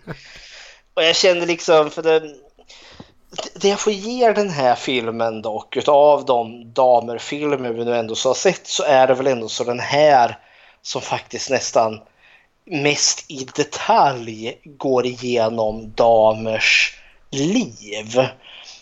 Eh, liksom från första mordet till som är att han blir gripen de andra filmerna som vi senare såg har ju fokuserat på mycket mindre delar, liksom tar liksom inte damers hela liv.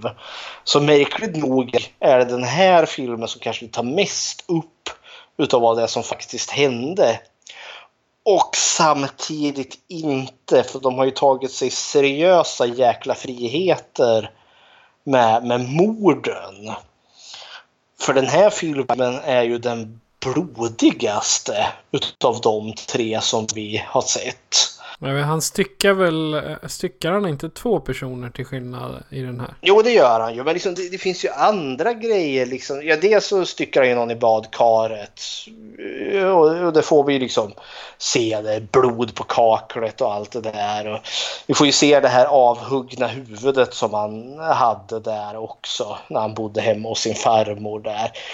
Men sen är det ju andra saker. Det är en, en av de här männen som han tar upp i sin lägenhet visar sig att han är döv. Så smyger sig damer på honom bakifrån med en elektrisk liksom, så här, köttsåg. Liksom, och säger liksom elaka saker och sen typ sågar han huvudet av honom med den där liksom, medan han fortfarande lever. Och någon kar stoppar han ju ner i den här tunnan med syra levandes. Så, så filmen frossar ju liksom i, i, i våld på ett annat sätt och som, som inte liksom överensstämde med verkligheten. För när de var medvetslösa så, så ströp han ju dem. Eller så dog de på, utav resultatet av den här lobot, lobotomi, lobotisimeringen. Nu. lobotomeringen. Så, ja, så. Och jag ska faktiskt erkänna att eh, det här, den här mannen som han stoppade ner i tunnan i den här filmen liksom, och dödar med syran. Det tyckte jag faktiskt, eh, det gav mig lite obehagskänsla. Men, och samtidigt eh, vi, vi, vi får ju första mordet, han Steven Hicks som han plockar upp. Eh, det, det är så onaturligt så det är inte klokt för det är liksom de, de, de ska vara, damer var 18, Steven Hicks var typ 19. De här skådespelarna är inte 18 och 19. Det är liksom... Han närmar sig väl 40? ja, han gör ju det. Jag ska se. Carl, Carl Crew heter han ju som spelade. Eh, det framgår ju inte när han är född. Alltså det är sak samma, men han framstår inte som en 18-åring. Och inte heller killen som spelar, mannen som spelar Steve Hicks. Och det är också så märkligt för det är liksom det är den här, han plockar upp liftan. Och jag har lite partypartaj hemma hos mig. Jo då, det låter trevligt. Och så åker de hem. I den här så sitter ju hans mamma hemma tydligen och det gjorde hon ju inte i verkligheten. Eh, men han eh, som är då Steve Hicks, det första mordoffret, får syn på damers liksom eh, utegym där liksom wow! Och, liksom sliter av sig tröjan och börjar liksom göra lite reps. det känns liksom så märkligt liksom. Om du, om du blir upplockad av en främling på, ja, på, på vägen där och så kommer du hem till honom. Är det det första man gör liksom bara, wow får jag låna ut i gymmet så jag kan work on my guns man bro, wow. liksom, det känns så märkligt överlag. Eh, Jag ska säga att han var 32, Carl Crew, när den, här, när den här spelades in. För han är född 61. Se där. Så att eh, han är alltså 10 år äldre än vad han skulle ha varit i verkligheten då. Han, Damer. han säljer inte illusionen av en 18-åring. Nej. Han säljer inte heller det här liksom. För, ja, ut och gymma på bakgården till som att damer sopar en hantel i huvudet på honom. Ja, hej hopp. Och vissa av de här, det, det är också liksom, det känns liksom som att det är glada amatörer som har gjort det här som ändå har försökt. Men jag var tvungen att skriva upp här eh, ett frågetecken. Hur snabbt verkar droger? Det var något av de här liksom mordoffren, liksom, man ser hur han smyger ner någonting i hans drink där. Och liksom, eh, kommer han ut till han i soffan där så tar han sig liksom en, en klunk och liksom åh det var en god drink det här och sen typ säckar han ihop i soffan där. Ja, Det beror ju på, jag kan tänka mig att det beror på vilken drog du tar. Ja, men jag tänker vad fan, han, ingen su alltså, han hade tillgång till sömntabletter. Jag, jag vet liksom ingen vilken sömntablett som funkar ungefär som att tända lyset. ungefär. Det, det kändes lite så här. Så här tror vi att det fungerar och likadant. Det var någon utav de här då han ströp en person som fortfarande liksom eh, var, var vid medvetande. Det var också liksom läderremmen gick runt halsen och så tryckte han till och så var karln död. Och jag tänker det går inte så snabbt att strypa en människa till döds. Jag har fått för, Nej, nej, nej. jag har fått för mig liksom att det kan ta uppemot liksom 10 minuter, en kvart. Alltså, Ja, det, alltså minsta lilla syre som sipprar igenom där ger ju, ska man säga, styrka till hjärnan. ja. Det håller den levande. Jajamensan. Så det, det känns ju lite så. På det sättet känns den väldigt, väldigt liksom amatörmässig som ett gäng eh, polare här nu som liksom, ja men så här funkar det nog, liksom, som har killgissat sig igenom hela den här filmen. Och sen har de liksom spejsat ut lite med de här morden som sen kommer för att liksom det är coolt på något vis och vänster liksom att smälta ner någon levandes i en tunna där. Eller såga huvudet av någon med en elektrisk eh, såg. Men sen har du ju, det finns ju hur många bensodiazepimer som helst. Jo. Och det är alltså extremt eh, muskelavslappnande eller vad man ska säga.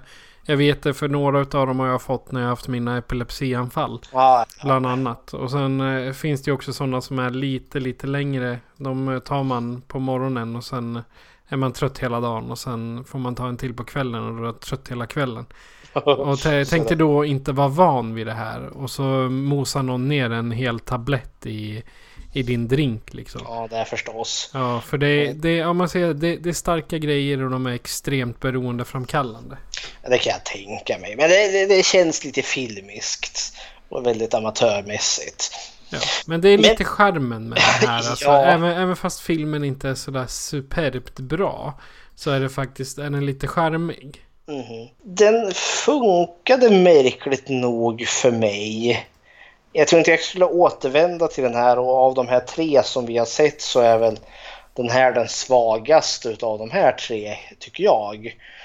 Men just det här närmare slutet när han är i sin lägenhet och morden eskalerar. Då tycker jag liksom som att då känns det som att filmskaparna och han som spelar damer framför allt har liksom, de, har, de har lärt sig på något vis och vänster och jag tycker liksom på någon nivå så får de in det här liksom hans eh, liksom nedåtgående spiral. Och det liksom i, i det här självdestruktiva beteendet. Och det här är väl också den som tar upp liksom att han faktiskt gick ju i samtal med en terapeut mitt under de här brotten. Så ja mm, bättre än vad jag trodde att den skulle vara men helt klart seriöst amatörmässig. Mhm. Ja, för jag- jag läste på, på, på Wikipedia här också att den här filmen gjorde man i hemlighet. Jaså? Nu är jag lite osäker på när de släppte den. Men om man ska gå efter IMDB så kom den... Nu ska vi se vart det stod någonstans. Details, technical specs, där. Och då... s- Det, där, release date står det här. Ska vi se, då släpptes den i USA. Nej, de har inte ens angett några datum när den släpptes.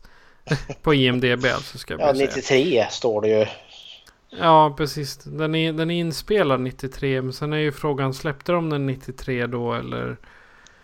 Ja, Jag, jag tänker det för liksom i, i sluttexten som dyker upp där på slutet så står det ju ingenting om att damer eh, dog sen, att vart ihjälslagen i fängelset. Så jag tänkte filmen, var, nej just det. filmen måste ju ha blivit klar medan damer fortfarande levde.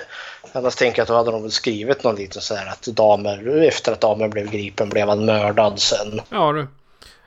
Det, man får hoppas att damer inte fick reda på att det vart en film av hans liv.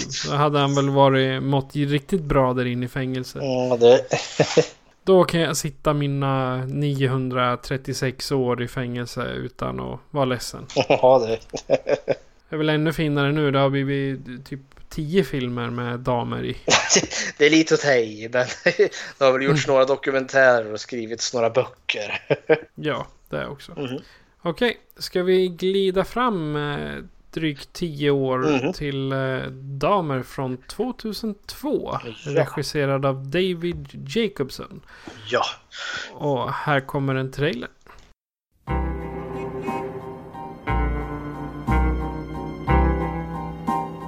Well, you never heard anyone before? No. Never? Everyone knows his name.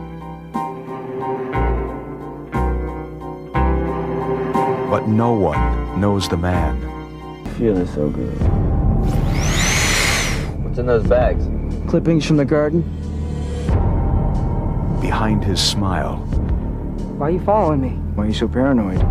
behind his silence, Your grandmother says that you have a mannequin or something in your closet. behind the legend lies the truth of Jeffrey Dahmer.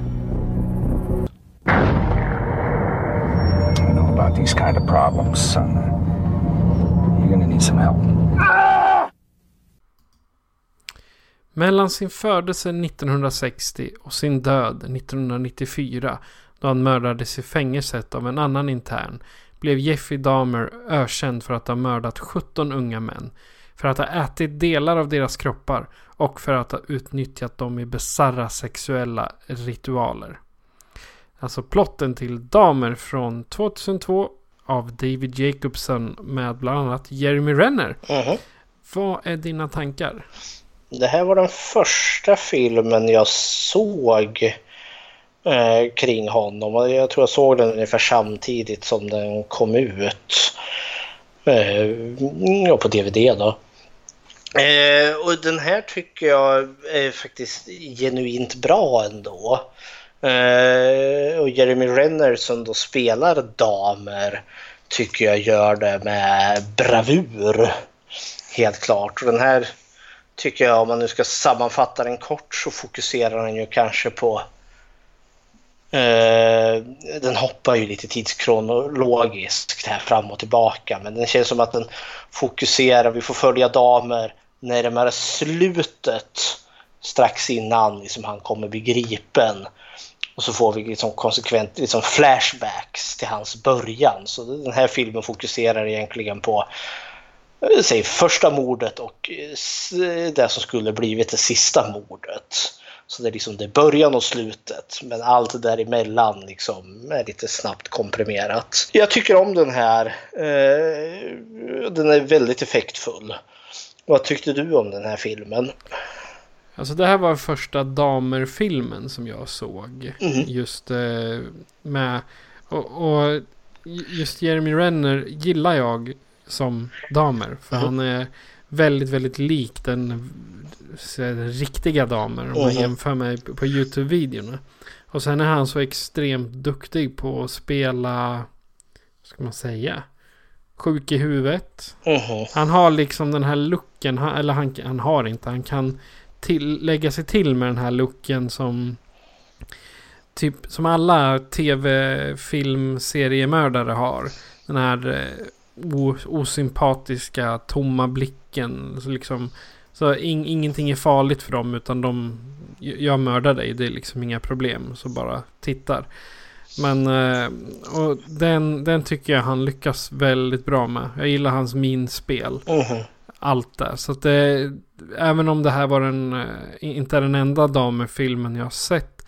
Så är det nog 2002 ändå den som jag tycker är bäst illustrerad. Mhm. Den illustrerar damer bäst. Mhm. Jag hör väl till att det var ju den här filmen som vi hade på skräckfilmscirkeln när det begav sig. Ja, det är också. De här, andra, de här andra två filmerna har vi bara lagt till nu för poddens skull. Eh, jag tycker den här lyckas porträttera honom relativt liksom eh, att det, det, det finns en ganska plågad människa här trots allt. Och det väcker ju lite tankar, lite frågeställningen hos mig själv. Är det egentligen schysst att göra såna här filmer? För jag tänkte, det finns fortfarande anhöriga kvar liksom, som förlorade sina söner till honom. Och här kommer det en film som egentligen spelar på eh, att jag någonstans ska förstå och sympatisera med damer. Eh, det kan man ju tycka är problematiskt. Och samtidigt så tycker jag liksom att den här är väl värd att se. Men det är ju liksom för att jag har distansen.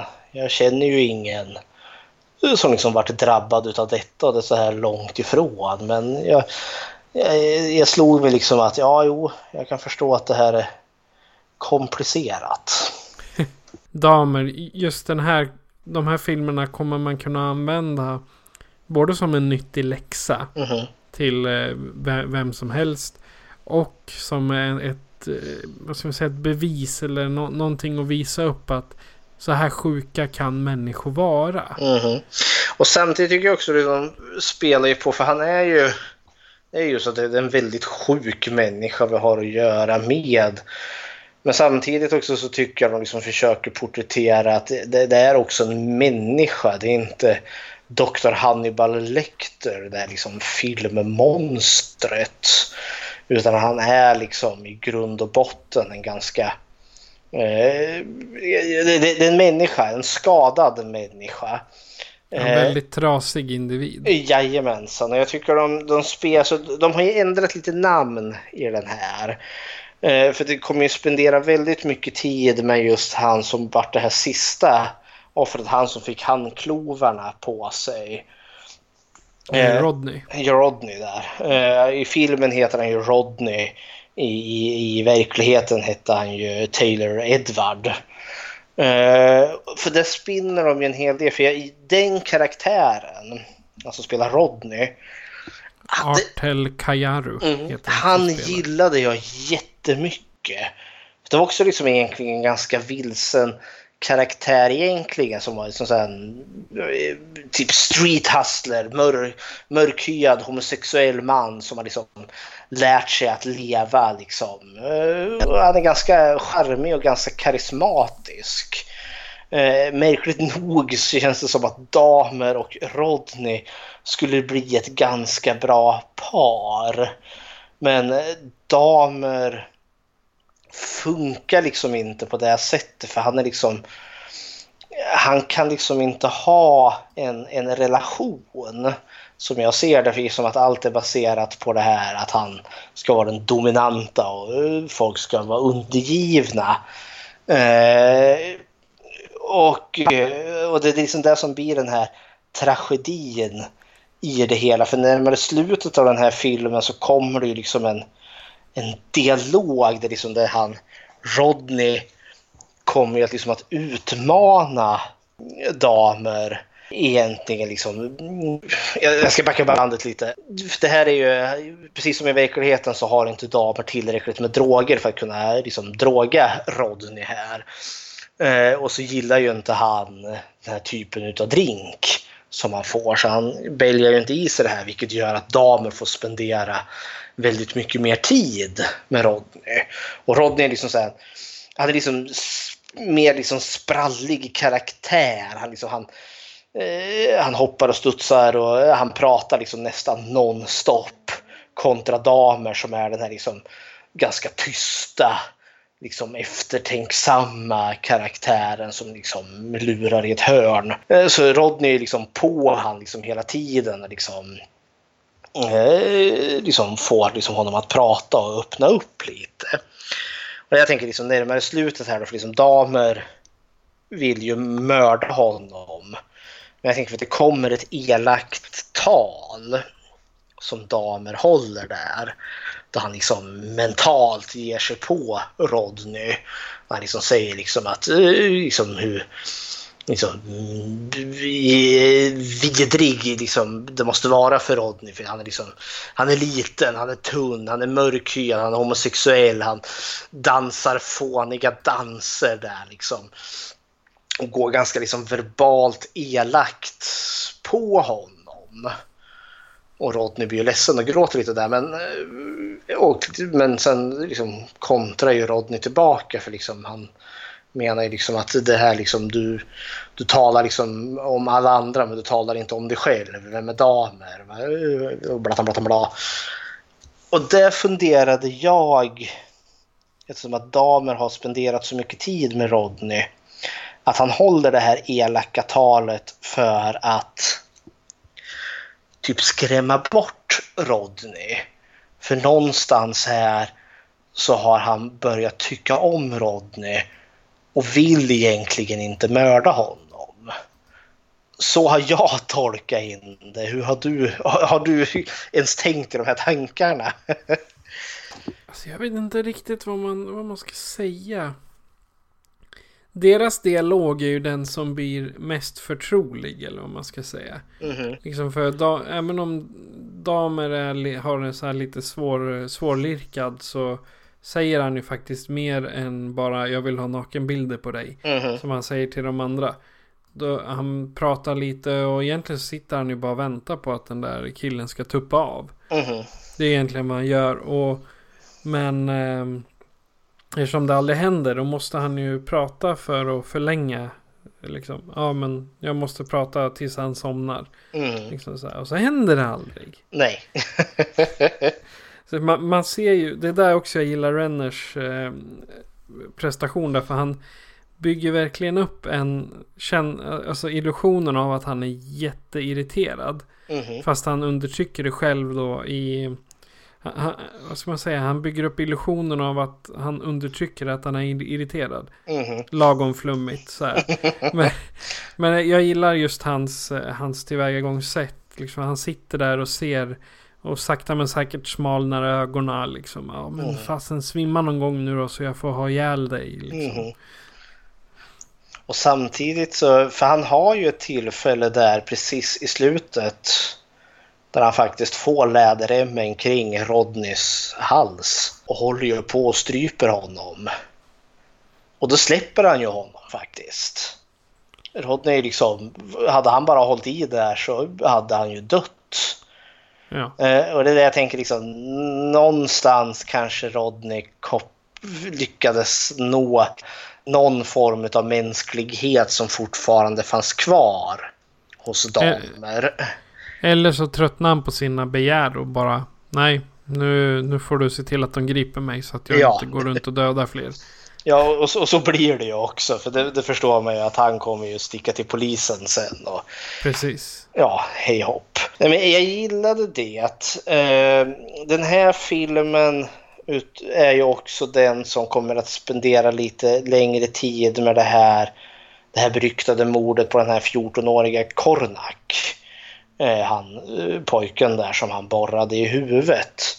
För det, det, det är väl liksom egentligen det enda liksom stora mordet som är med i den här filmen. För liksom av dem, då förra filmen The Secret Life of Jeffrey Dahmer verkligen frossade i morden men nästan gick igenom varenda jäkla mord. Eh, så fokuserar ju den här, liksom, det, det är väl typ bara två mord i den här filmen som vi får se. Och det är ju då mordet på han Kornak och sen mordet på den första killen, han Steven Hicks som han plockar upp i sitt hem. Eh, några andra mord får vi ju inte se. Vi får se några lik i hans lägenhet men de har väl han, eh, vi får inte se hur de blev lik så att säga. Och det är en ganska jobbig bit i hela den här liksom Kornak-biten och eh, nu har inte jag sett alla damerfilmer som finns men det här är väl den den här porträtterade bättre än vad The Secret Life of eh, Damer gjorde i alla fall. Tyckte jag. För jag kommer ihåg att jag tyckte det, det är ganska jobbigt eh, när eh, han ska borra, när damer ska borra den här killen i huvudet. För man får inte se någonting. Man får höra det däremot. Det är liksom väldigt borrar. effektfullt. Ja. Jag kommer ihåg liksom, för man hör liksom hur den där borren liksom virrar ut och sen hör man liksom plötsligt när, när det blir motstånd i borren. Då förstår man liksom, oh nu är han i huvudet och borrar på den här killen. Och det tyckte jag var läskigt. För liksom blodmässigt så är det knappt något alls i den här filmen. Det är mest i slutet sen där när han, Rodney, sticker därifrån. Då får man ju se, för då ligger ju Kornaks lik i hans säng. Och han, hur eh, damer skär upp hans mage med en kniv där då. Och så stoppar han in handen liksom i, i såret där. Det är den enda gången vi får bokstavligen får se någonting eh, som någonting groteskt. Eh, Så, ja. Och det tyckte jag var en ganska snygg avslutning. För det är precis som jag var inne där innan. Jag tycker liksom att den här fokuserar liksom på, på damers mänsklighet och spinner lite på att han Rodney kanske kunde locka fram någonting där. Så slutar liksom det sista vi får se ändå så damer som sprättar upp eh, Kornak där. Och liksom komma, ja, vi får fortfarande komma ihåg att det, eh, vi, vad var det för brott han begick? Och de är monstruösa ändå. så jag inte får allt för mycket sympati med karln. Nej, men jag, jag, jag, tyck, jag tycker den här filmen är ganska effektfull och relativt smakfull ändå. Liksom är verkligen ett studium i en väldigt trasig individ. Tittade på lite sådana här eh, trivia som Mhm. ligger med. Och anledningen till att Jeremy Renner fick spela Jeffrey Dahmer var helt enkelt på att det var de hittade ingen annan som ville spela Nej. Jeffrey Dahmer. Se där. Och de hade haft flera, flera sådana, eh, vad ska man säga, castings. Och folk skulle komma och provläsa men det var ingen som ville. Och Då kom ju då Je- Jeremy Renner istället. Ja, okej. Det där. Ja, för den, den som är osäker på namn så är Jeremy Renner, han är ju Blackhawk i eh, Hawkeye. Avengers. Hawkeye. Hawkeye. i Avengers. Och han får snart en helt ny, ny egen serie till och med. Mm. 2021. Se där. Ja, så han har varit med i ett x antal uh, roliga har- filmer. Nej, men han är så, det här var ju innan han vart så här stor som han är Ja. nu. Så att jag säger det, han har ju tagit, han tog ett ganska långt kliv uppåt efter damer. Ja, jag, jag tycker också om man nu ska, för han spelar ju också den 18-åriga damer och den 32-åriga damer. Och det funkar faktiskt. För när, liksom, när han spelar 18-åringen så kan jag faktiskt köpa den illusionen. Eh, För det, visst, han kanske inte riktigt är 100% 18 år men han ser ung ut med hjälp av ja, lite trixigt att ha lite större skådespelare och han liksom har lite tidstypiska tonåriga kläder på sig. Det, det funkar för mig. Mm, för han var 30 när den här filmen kom ut. Okej. Han är född 71 så han Ja. var ju 31 då. Mhm. Ja, men den här funkade för mig. Jag tycker om den. Jag tycker den är väl värd att se. Jag hittade en rolig fakta och det är att kråkan som eh, damer har i lådan det är en, eh, det är en riktig kråka. Ja, jo. Och den är faktiskt den är tränad för att eh, vara skådespelare. Och den är krediterad som Edgar Allan. Edgar Allan. Ja, Edgar Och det är alltså en hyllning till Edgar Allan Poe som skrev skräckromaner eller skräcknoveller. skrev ju The Raven, så det är väl det. Ja. Ja, än, ännu, ännu mer tydligt. Mhm. Ja, det, det, det var en, en rolig detalj faktiskt Ja. som jag fick läsa mig till. Och sen finns det ju massor med sådana här bloopers. Alltså de, eh, en av bilarna, de som ska komma, som är från 78, den har... Eh, eh, då, då visar han upp en, ett körkort från 95. Ja. Det, är- det är ett exempel. Så kan det gå. Så, ja. Det kan man leva med. Ja, precis. Men eh, all in all så är det här nog en av de bättre seriemördarfilmerna, Damer, Mhm. från 2002. Det är en av mina plus. Mhm. Okej, vi lämnar Damer 2002 och rullar vidare till våran vän Damer. Mhm. Ja, det vill säga My Friend Damer. Från 2017 regisserad av Mark Myers. Och här kommer en trailer.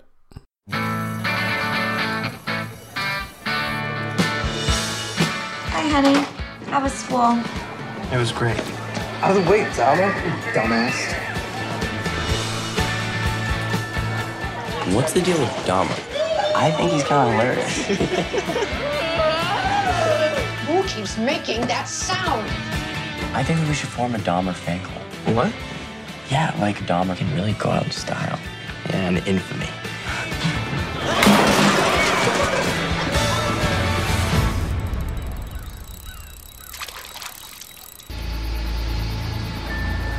We need to talk. You need to get out of your shell. Jeff, enough. Are you sexually active? Sort of. Do you want to go to the prom? You want to seem normal, right? You seem healthy to me. What about what's on a patient's mind?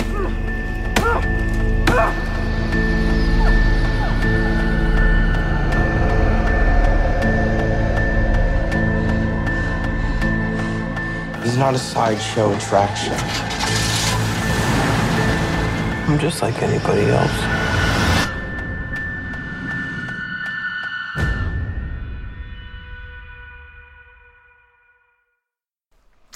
Innan den ökände Jeffrey Dahmer blev fruktad seriemördare med hela världen var han en blyg tonåring med sociala svårigheter och begynnande alkoholproblem. My Friend Dahmer baseras på Durf Backdurfs bästsäljande och kultförklarade serieroman med samma titel. Backdurf, som var klasskamrat med Dahmer, målar upp en fängslande, tragisk och rejält kuslig berättelse om en ung man och dennes resa allt djupare ner i mörkret. Det är alltså plotten till My Friend Dahmer från 2017, regisserad av Mar- Mark Myers. Och eh, i den filmen ser vi bland annat Disney, eh, Disney gullpojke, gullpojken Ross Lynch som Dahmer själv. Mhm. Vad är dina tankar om My Friend Dahmer? Den här är nog den i särklass bästa utav de här tre filmerna vi har sett nu. Eh, men skiljer ju sig också markant för att det här är ju inte berättelsen om morden. Utan det här känns som att det här är berättelsen innan den berättelsen som han som Damer mest är känd för. Eh, jag tyckte den här var fantastiskt bra skådespeleri och det är liksom ett seriöst drama. Det är ju ingen thriller eller skräckfilm ens en gång utan det här är ju ett väldigt liksom sorgligt eh, människoporträtt. Och inte bara liksom ett porträtt på damer utan liksom det, det, finns en viss diskbänksrealism i den här filmen som liksom porträtterar liksom både damers familj men också hans skolgång på liksom ett enligt mig i alla fall relativt trovärdigt sätt. Eh, jag var väldigt positivt överraskad av den här filmen. Så det, ja, vad är dina tankar kring den här filmen? Alltså i den här filmen den är ju märkbart nyare än 2002 för det, för det, det, det är bättre bild, det är fräschare musik, det är framförallt bättre jag ska inte kalla det effekter men det är bättre scenerier och ja. Den känns mer autentisk. Den har betydligt större budget än båda, både Damer och My Secret, The Secret Life of Jeffrey Damer. Precis. Mm. Och filmen i sig, jag tyckte inte heller den var särskilt läskig. Utan det är mera en sån här Tänk om det vore så mm. film. Alltså tänk om det där vore jag. Eller tänk om det hände mig. Det är en sån grej. Alltså för han eh, man, man ser ju verkligen hans sakta men säkert nedgång. Det är, det är, det är som att se de kör no, någonting i en köttkvarn. Mm. Sakta men säkert. Det är, det är där de gör med honom de är hans vänner, tror de. Mm. Fast i själva verket så maler de ju ner hans själ sakta men säkert så att det bara blir skit kvar av ja. till slut. Ja, och, och det, det där jag... Det blev jag väldigt, väldigt berörd av genom hela filmen. Det var liksom... Men snälla människor, ni, ni förstör honom. Mm. Alltså, plus att han i den här filmen så verkar han ju ha någon form av ska jag säga, funktionsnedsättning. Kanske ADHD eller mm. Asperger eller vad vi nu skulle kalla det. Jag, jag är inte så hemma på det, men eh, som exempel bara. Han skulle inte bara vara den här tröga eller eh, inåtvända. Utan han skulle ha någonting som inte stämde mm. där uppe. Vilket han inte har då. Men en diagnos. Idag hade vi kunnat satt en diagnos på det. Ja, och det, jag, jag tänkte precis i de banorna också. Liksom, det känns som att jag tänkte också liksom, det är någon bokstavskombination här. Eh, den här asociala liksom, han, han kan inte de sociala koderna. För den här filmen liksom de andra två filmerna, Damen och The Secret Life of Damen, försöker också liksom spela liksom att jag ska få sympati för monstret. Eh, men det här är ju, alltså det här har jag ju genuin sympati för honom för det här är ju inte mördaren damer utan det här är ju liksom den vilsna tonåringen damer. Ibland så kände jag liksom att åh, kunde jag inte bara få kliva in i, i skärmen och liksom bara ge honom en kram och säga att det blir bra. För liksom, han, han är så utsatt i den här filmen. Men så som när jag såg den här filmen då tog jag det liksom som att det är mammans fel. Ja, jo. Det... Mamman är liksom orsaken till hans dåliga psykolog, psykiska hälsa. Mm. Hans eh, problem i skolan. Men istället för att gå till skolan och läsa så går han dit och är orolig för sina föräldrar. Mm. Hans lillebror skiter han i. Ja, alltså, ja, ja. Eh, lillebrorsan får ju inte... Det här är ju kanske den första filmen jag har sett där, där lillebrodern faktiskt är med. Eh, jag upplever att han har en viss sympati liksom för Uh, han vurmar väl lite för sin bror. Det finns ju, det är ju någon scen där då uh, deras uh, föräldrar Joyce och Lionel de står och skriker på varandra. för det är ju liksom när äktenskapet håller på att gå åt skogen här. Eh, då han, lillebrorsan David går fram till damer och undrar liksom, kommer, kommer de börja slåss? Och, och damer tröstar ju honom att nej, nej, nej, det kommer de inte göra. De, de brukar inte göra Nej, de det. brukar inte göra det. Men så tänker jag, han... David Damer då, lillbrorsan. Han han är inte med, alltså han är mest med i början men sen flyttar ju liksom fokuset över väldigt mycket på, på eh, vad heter det, på damer själv där. Men jag är med på ditt spår för jag kände också att den här filmen målade upp Joyce eh, som åtminstone det, det, det stora problemet på hemmafronten. Eh, och när jag läste lite på så är det väl lite så hon har blivit beskriven också som att det, det var ju hon som strulade och som hade drogproblem och det var hon som var grälsjuk och liksom ställde till det i familjen. Och jag... Nu, Anne Heshey, som spelar Joyce gör en jättebra, tycker jag, rollprestation där som den här kvinnan som eh, modern som är så upptagen med sig själv att hon liksom inte kan se hur illa hon behandlar eh, sina egna barn för hon är liksom så hon är för självupptagen i sitt, i sitt eget lidande. Men jag, jag, jag kan tycka att man kanske la lite väl mycket skulden som att oh, det är hon som är felet. Eh, för, och, och till filmens viss del så är ju liksom pappa Lionel också ganska tafatt i den här filmen. För jag känner för Lionel, han, han förstör ju Jeffs skjul där. Där han har alla de här burkarna med de här djuren i som han har plockat upp från gatan. Och, se, och säger åt honom, kan du inte bara vara normal?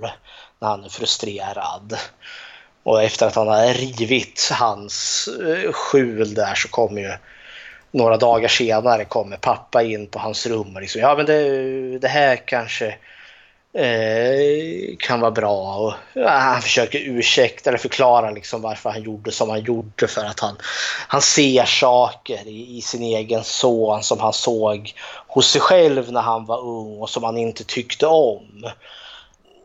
Det jag tänker det, det hans pappa liksom försöker prata om är väl liksom att han, han själv var väl tafatt och sådana saker. För det han ger ju honom är ju hantlar, liksom, vikter så han kan träna och bli muskulös och manlig där då. Och det tänker jag, Kanske träffa en flicka. Ja, kanske träffa en flicka. Och det, det var också en sån där stund jag kände, ah fan kan jag inte bara få kliva in och säga till, så här är det. Kom igen nu. För jag tänker liksom damer bär ju på den här hemligheten att i hans fall kommer det aldrig bli någon flicka utan det är ju en det är ju en kille han vill ha i sådana fall. Så han liksom har den hemligheten på sig, eller hemligheten som han inte kan dela med familjen. Eh, och sen har han det här stigmat på sig att han är den här liksom udda, konstiga pricken. Och sen får han väl det här, precis som du sa, de här vännerna som dyker upp när han börjar spexa där, ge ljud ifrån sig och fejkar epilepsianfall. Och de tycker att han är jätterolig. Att göra en damer. Och hur de här vännerna egentligen, ja egentligen blir ju hans ovänner får man väl kalla det. Inte medvetet utan de nyttjar ju honom i slutändan. Och det gör hon, precis som du sa, de maler ner han. Liksom, Fan ser ni inte vad ni håller på med? Nej, precis. Och sen är det ju också att ja, när han ja men nu ska vi göra ett beställningsjobb. Ja, oh. Vet ja, och jag tänkte, ska de då få honom att bete sig sjukt Mhm. och sen dra, tjäna pengar på det? Ja. Men det, de gav ju faktiskt alla pengar till honom. Jo, och jag tycker... För det är Förvånansvärt nog alltså, som jag tolkar det med de här, det, det är ju Durf och, och det gänget där då. Alltså det de är ute efter liksom att de ska göra, liksom, de, de ska bli kända liksom sista året i high school. Vi ska göra liksom något som vi, så vi får ett minne som vi kan ta med oss. Liksom komma ihåg liksom, de våra unga vilda dagar. Och just det här, det här sista beställningsjobbet när damer ska flumma ut totalt på, eh, vad är det, köpcentret där. det, det gör ont i mig redan liksom när de bygger in. liksom, de, de, de köper damer. Liksom, vi har samlat ihop pengar. Kan du liksom flumma ut här så ska vi stå i ett hörn och filma när du eh, gör narr av dig själv så att vi kan eh, peka och skratta. Och det, det, det, det är jättehemskt för liksom, han, han kör ju på där eh, och flummar järnet liksom och skrämmer folk. Eh, och efter ett tag så tolkade jag det som liksom att det här, det här gänget, Durf och Company som står där i skuggorna och filmar alltihop och tycker det är jätteroligt. Efter ett tag tycker inte att det är så roligt utan blir obekväma och försvinner efter ett tag. Och liksom slutar filma damer och piper iväg. Ja, det är väl bara Durf som står kvar hela tiden. Ja. Gömd någonstans. Och han, men damen han är väl ganska packad när han kommer han dit också. Han är ju det. För det var också liksom på vägen dit till det här köpcentret. Han liksom bara bälgar ju i sig öl. Så det står helt i, i, i fantastisk mängd. Och för... ja, plus att han eh, drack i någon eh, fickplunta eller någonting ja. när han gick till bilen. Ja, och de kommenterar ju det till och med de där grabbarna där liksom oj, jag har aldrig sett någon som har druckit så mycket. Så man förstår ju liksom att de i sin tur har också fattat att det är ju någonting som är fel. Men nu ska de göra det här ändå. De är ju lite trevande liksom. Ja, vill du verkligen göra det här? Ja, jo, men självklart för damer vill passa in och allt det där. Alltså, det, det, han, vill, han vill stå i centrum. Vill... Jag tror det var det som var största problemet i början. Ja, men... Alltså han gjorde sina de här mm. bara för att Liksom för att alla i korridoren skulle vända sig om och ja. titta på honom. Och det kom ju efter att hans pappa där har sagt varför kan du inte bara vara normal? Du har inga vänner liksom. Varför är du inte normal? Och så är det ju vid något tillfälle, eh, som jag tolkar det, liksom, innan han börjar, börjar göra de här eh, hula i, i korridoren där. Så är det ju någonting i någon klass där det blir lite stökigt och sen liksom ska han, ja det är väl läraren, pekar på damer och säger liksom ja vad betyder det här och damer kan inte riktigt svara. Och så eh, liksom i, i sitt stressade tillstånd ger han ifrån sig någonting ljud och resten av klassen börjar skratta. Och det hajar han till på för det tyckte de var kul. Och så testar han då i korridoren där sen med att ge de här konstiga ljuden och liksom spela livebands. Och det tycker de är jätteroligt. Så liksom det enda sättet han liksom kan få uppmärksamhet på. Och det där Durf och gänget liksom. Eh, de, de kallar ju det liksom, det är ju Damers fanclub till och med. Mm -hmm. Go damer. Go damer. Do a damer. Eh, eller man har damerat till det. Ja, kära värld. Men ändå, jag tror han Durf är den, eh, alltså han som tecknar. Mm -hmm. Det är nog han som är den närmsta till, till vän som damer har. Ja, men det, det är det nog. Liksom, för det finns ju lite genuint där och samtidigt så tycker jag att de glider ju isär. Det, det, det, är den kanske stora kritik jag har till den här filmen. För jag, jag tolkar det som att det, vi, vi ska utspela sig under en ganska lång tidsperiod. Så att de damer vi känner i början och dör och gänget är egentligen ganska unga. Säg att de är 14 år eller något sånt där. Och sen Eh, slutar ju filmen med att de tar examen, tar studenten. Eh, det är inte riktigt tydligt liksom den här tiden som har passerat och de, är, de känns absolut inte som 14 år i början. De är mer liksom typ 18-19 hela vägen. Även om jag upplever att det kanske spelas att de ska vara typ 12-13. Och det köper jag inte riktigt. Men det, det är ett mindre problem jag har med den här. Ja. Det, jag läste lite på, nu är det på IMDB, det är inte uh -huh. säkert att det är sant. Men eh, tydligen så filmades My Friend Damer i eh, Damers faktiska barndomshem i Bath, Ohio. Ja, för det finns väl kvar? ja, precis. Och tanken var att River High School, mm -hmm. som han gick på, de ville använda den byggnaden till filmen. Men eh, skolan hade sagt så ifrån. De ville inte ha dem där. Ah, ja. Ja, de Och sen kan jag tänka mig, alltså, nej precis. Och sen, det, det är mycket av det här som eh, handlar ju om, eh, eh, vad heter det?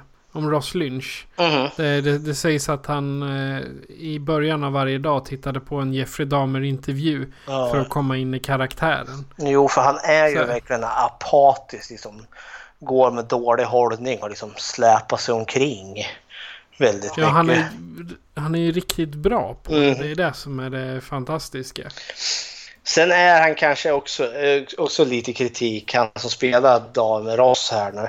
Han är kanske lite för Hollywood-tränad, alltså hans kropp.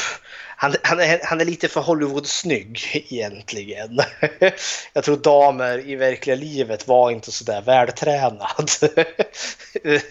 Jag har svårt att liksom se liksom en, en släpig, liksom nördig fin, finnig tonåring som var apatisk och släpade sig omkring har så stora biceps som Ross har eller den här tvättbrädan som han har. Det, ja, lite sådär men jag kan leva med det också.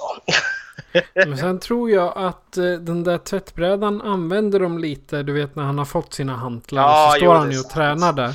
Det, jag, jag tänker det som att han har stått och tränat hela sommaren och Jo, fått upp en lite biffigare kropp liksom. För att passa in och för att kanske göra lite... Men det behöver ju inte vara damerna som tycker om en vältränad, väl, vältränad killkropp. Nej, det är sant. Men, det, det, ja, men, men det, det finns ju garanterat folk som är inne i garderoben även där. Helt klart.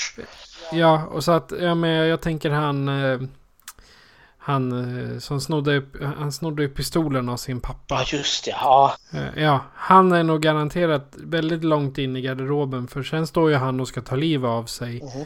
Och det här med kör rysk roulette eller Ja, vad man ska det. säga med pistolen. Ja, Ja. och sen var det ju nästan väntat att, han, eh, att det skulle vara en kula i loppet Ja. när damen säger ifrån. Mhm. ja, men det, det, den rör ju sig verkligen liksom i ett... Liksom, damer är inte den enda som mår dåligt. Så den här långhåriga killen där.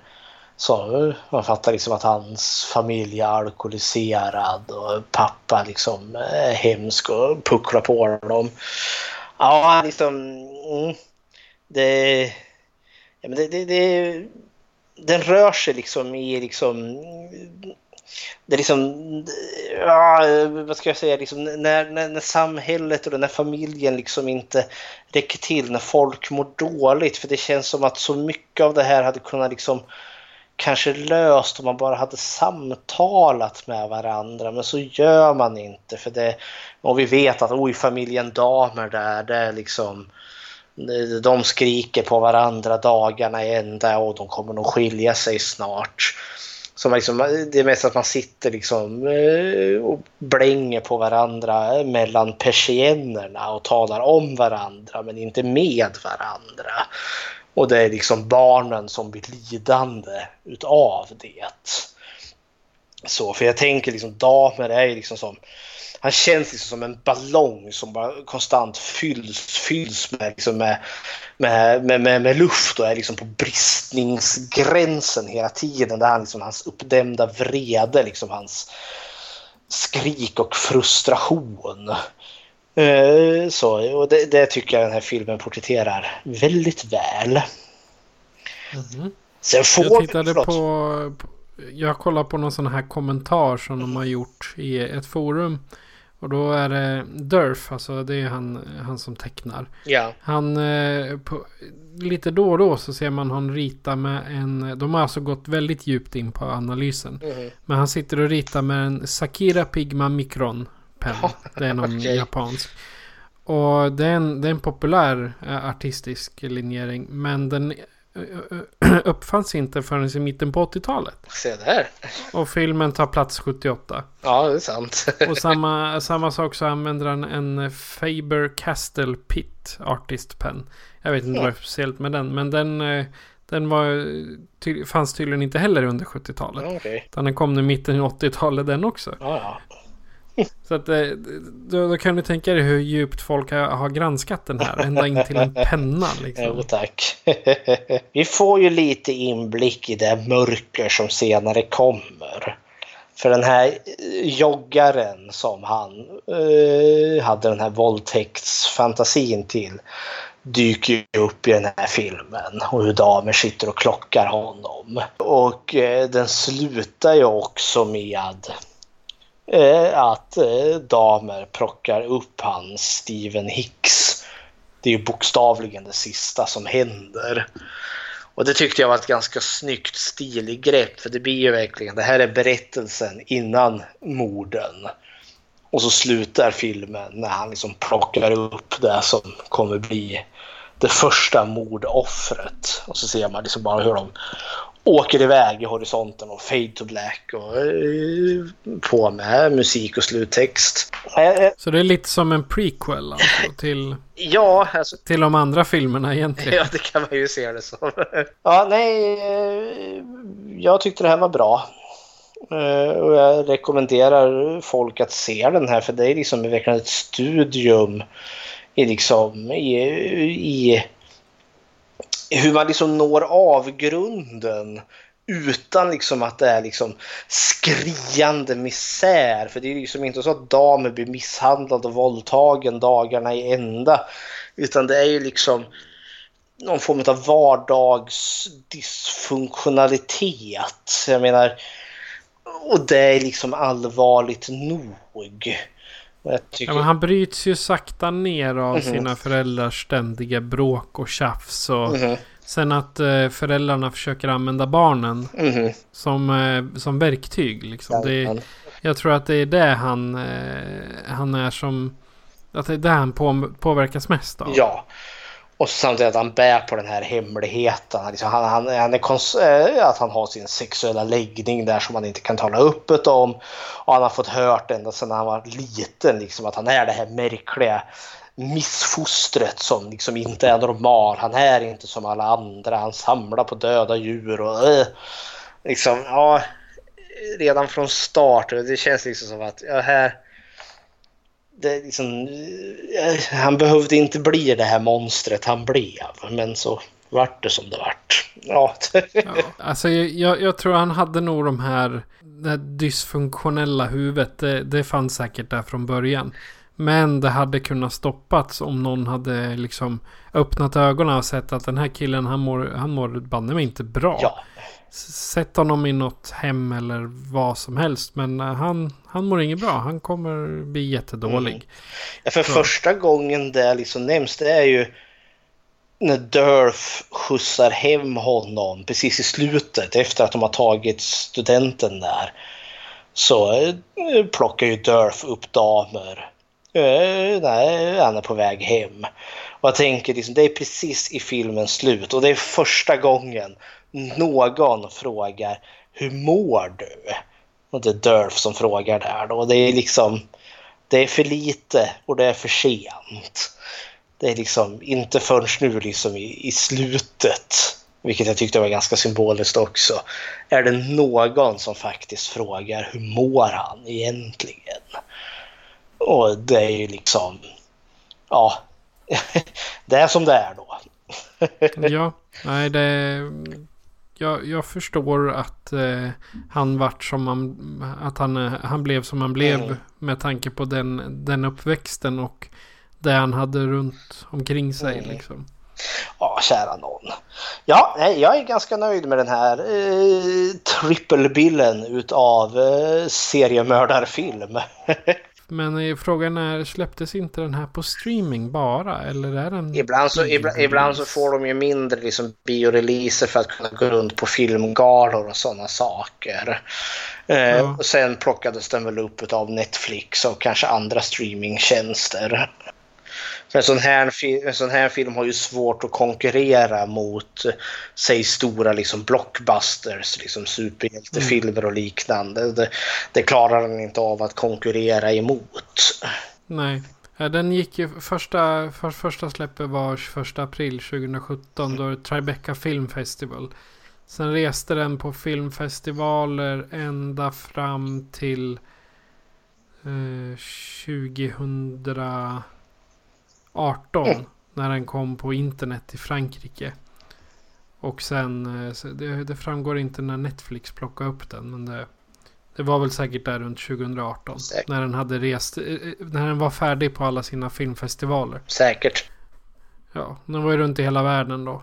Så att ja, nej, men det, det, är en, det är en intressant film. Och jag, jag, den är, jag skulle inte se den som underhållning egentligen. Utan jag skulle gärna kunna visa den här i en psykologikurs. Eller eh, något så här beteendevetenskap. Mhm. Och Den är ju väldigt diskussionsvänlig.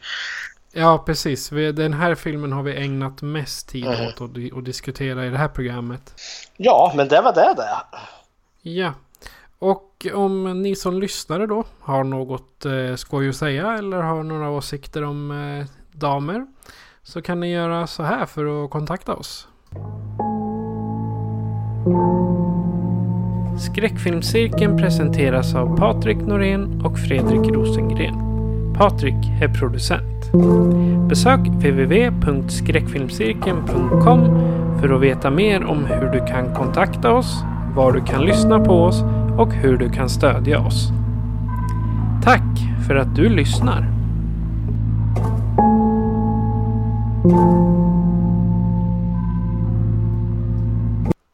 Och Fredrik, vad ser vi nästa gång? Då, vi har gått från väldigt seriösa teman här så nu ska vi gå in i skräck för barn. Eller barnvänlig skräck snarare. Och vi kommer att se filmen Paranormen från 2013 tror jag den är. Alldeles utmärkt film. Den är en av mina favoriter. Den är fantastiskt bra. Jag tror att det är allt vi har att säga nu här i, i höstmörkret. Ja, jag är helt utdamrad nu.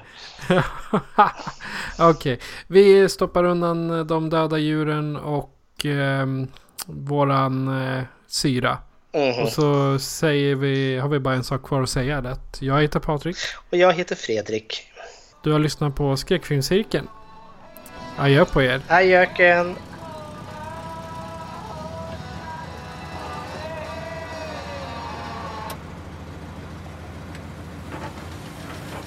Hey, hello.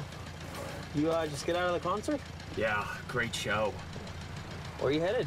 I made it this far. I'm headed back to Akron. You wanna party some more? Sure.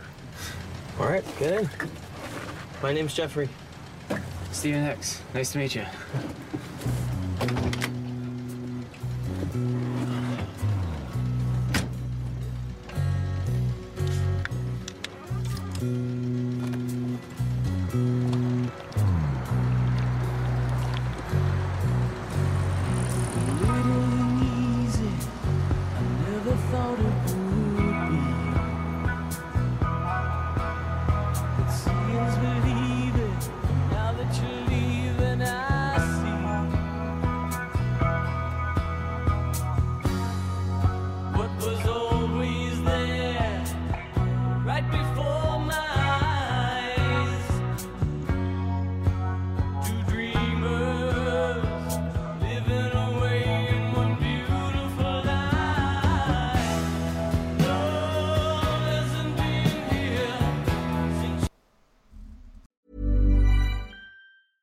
Planning for your next trip? Elevate your travel style with Quince. Quince has all the jet setting essentials you'll want for your next getaway, like European linen, premium luggage options, buttery soft Italian leather bags, and so much more. And is all priced at 50 to 80% less than similar brands. Plus, Quince only works with factories that use safe and ethical manufacturing practices. Pack your bags with high-quality essentials you'll be wearing for vacations to come with Quince. Go to quince.com slash pack for free shipping and 365-day returns.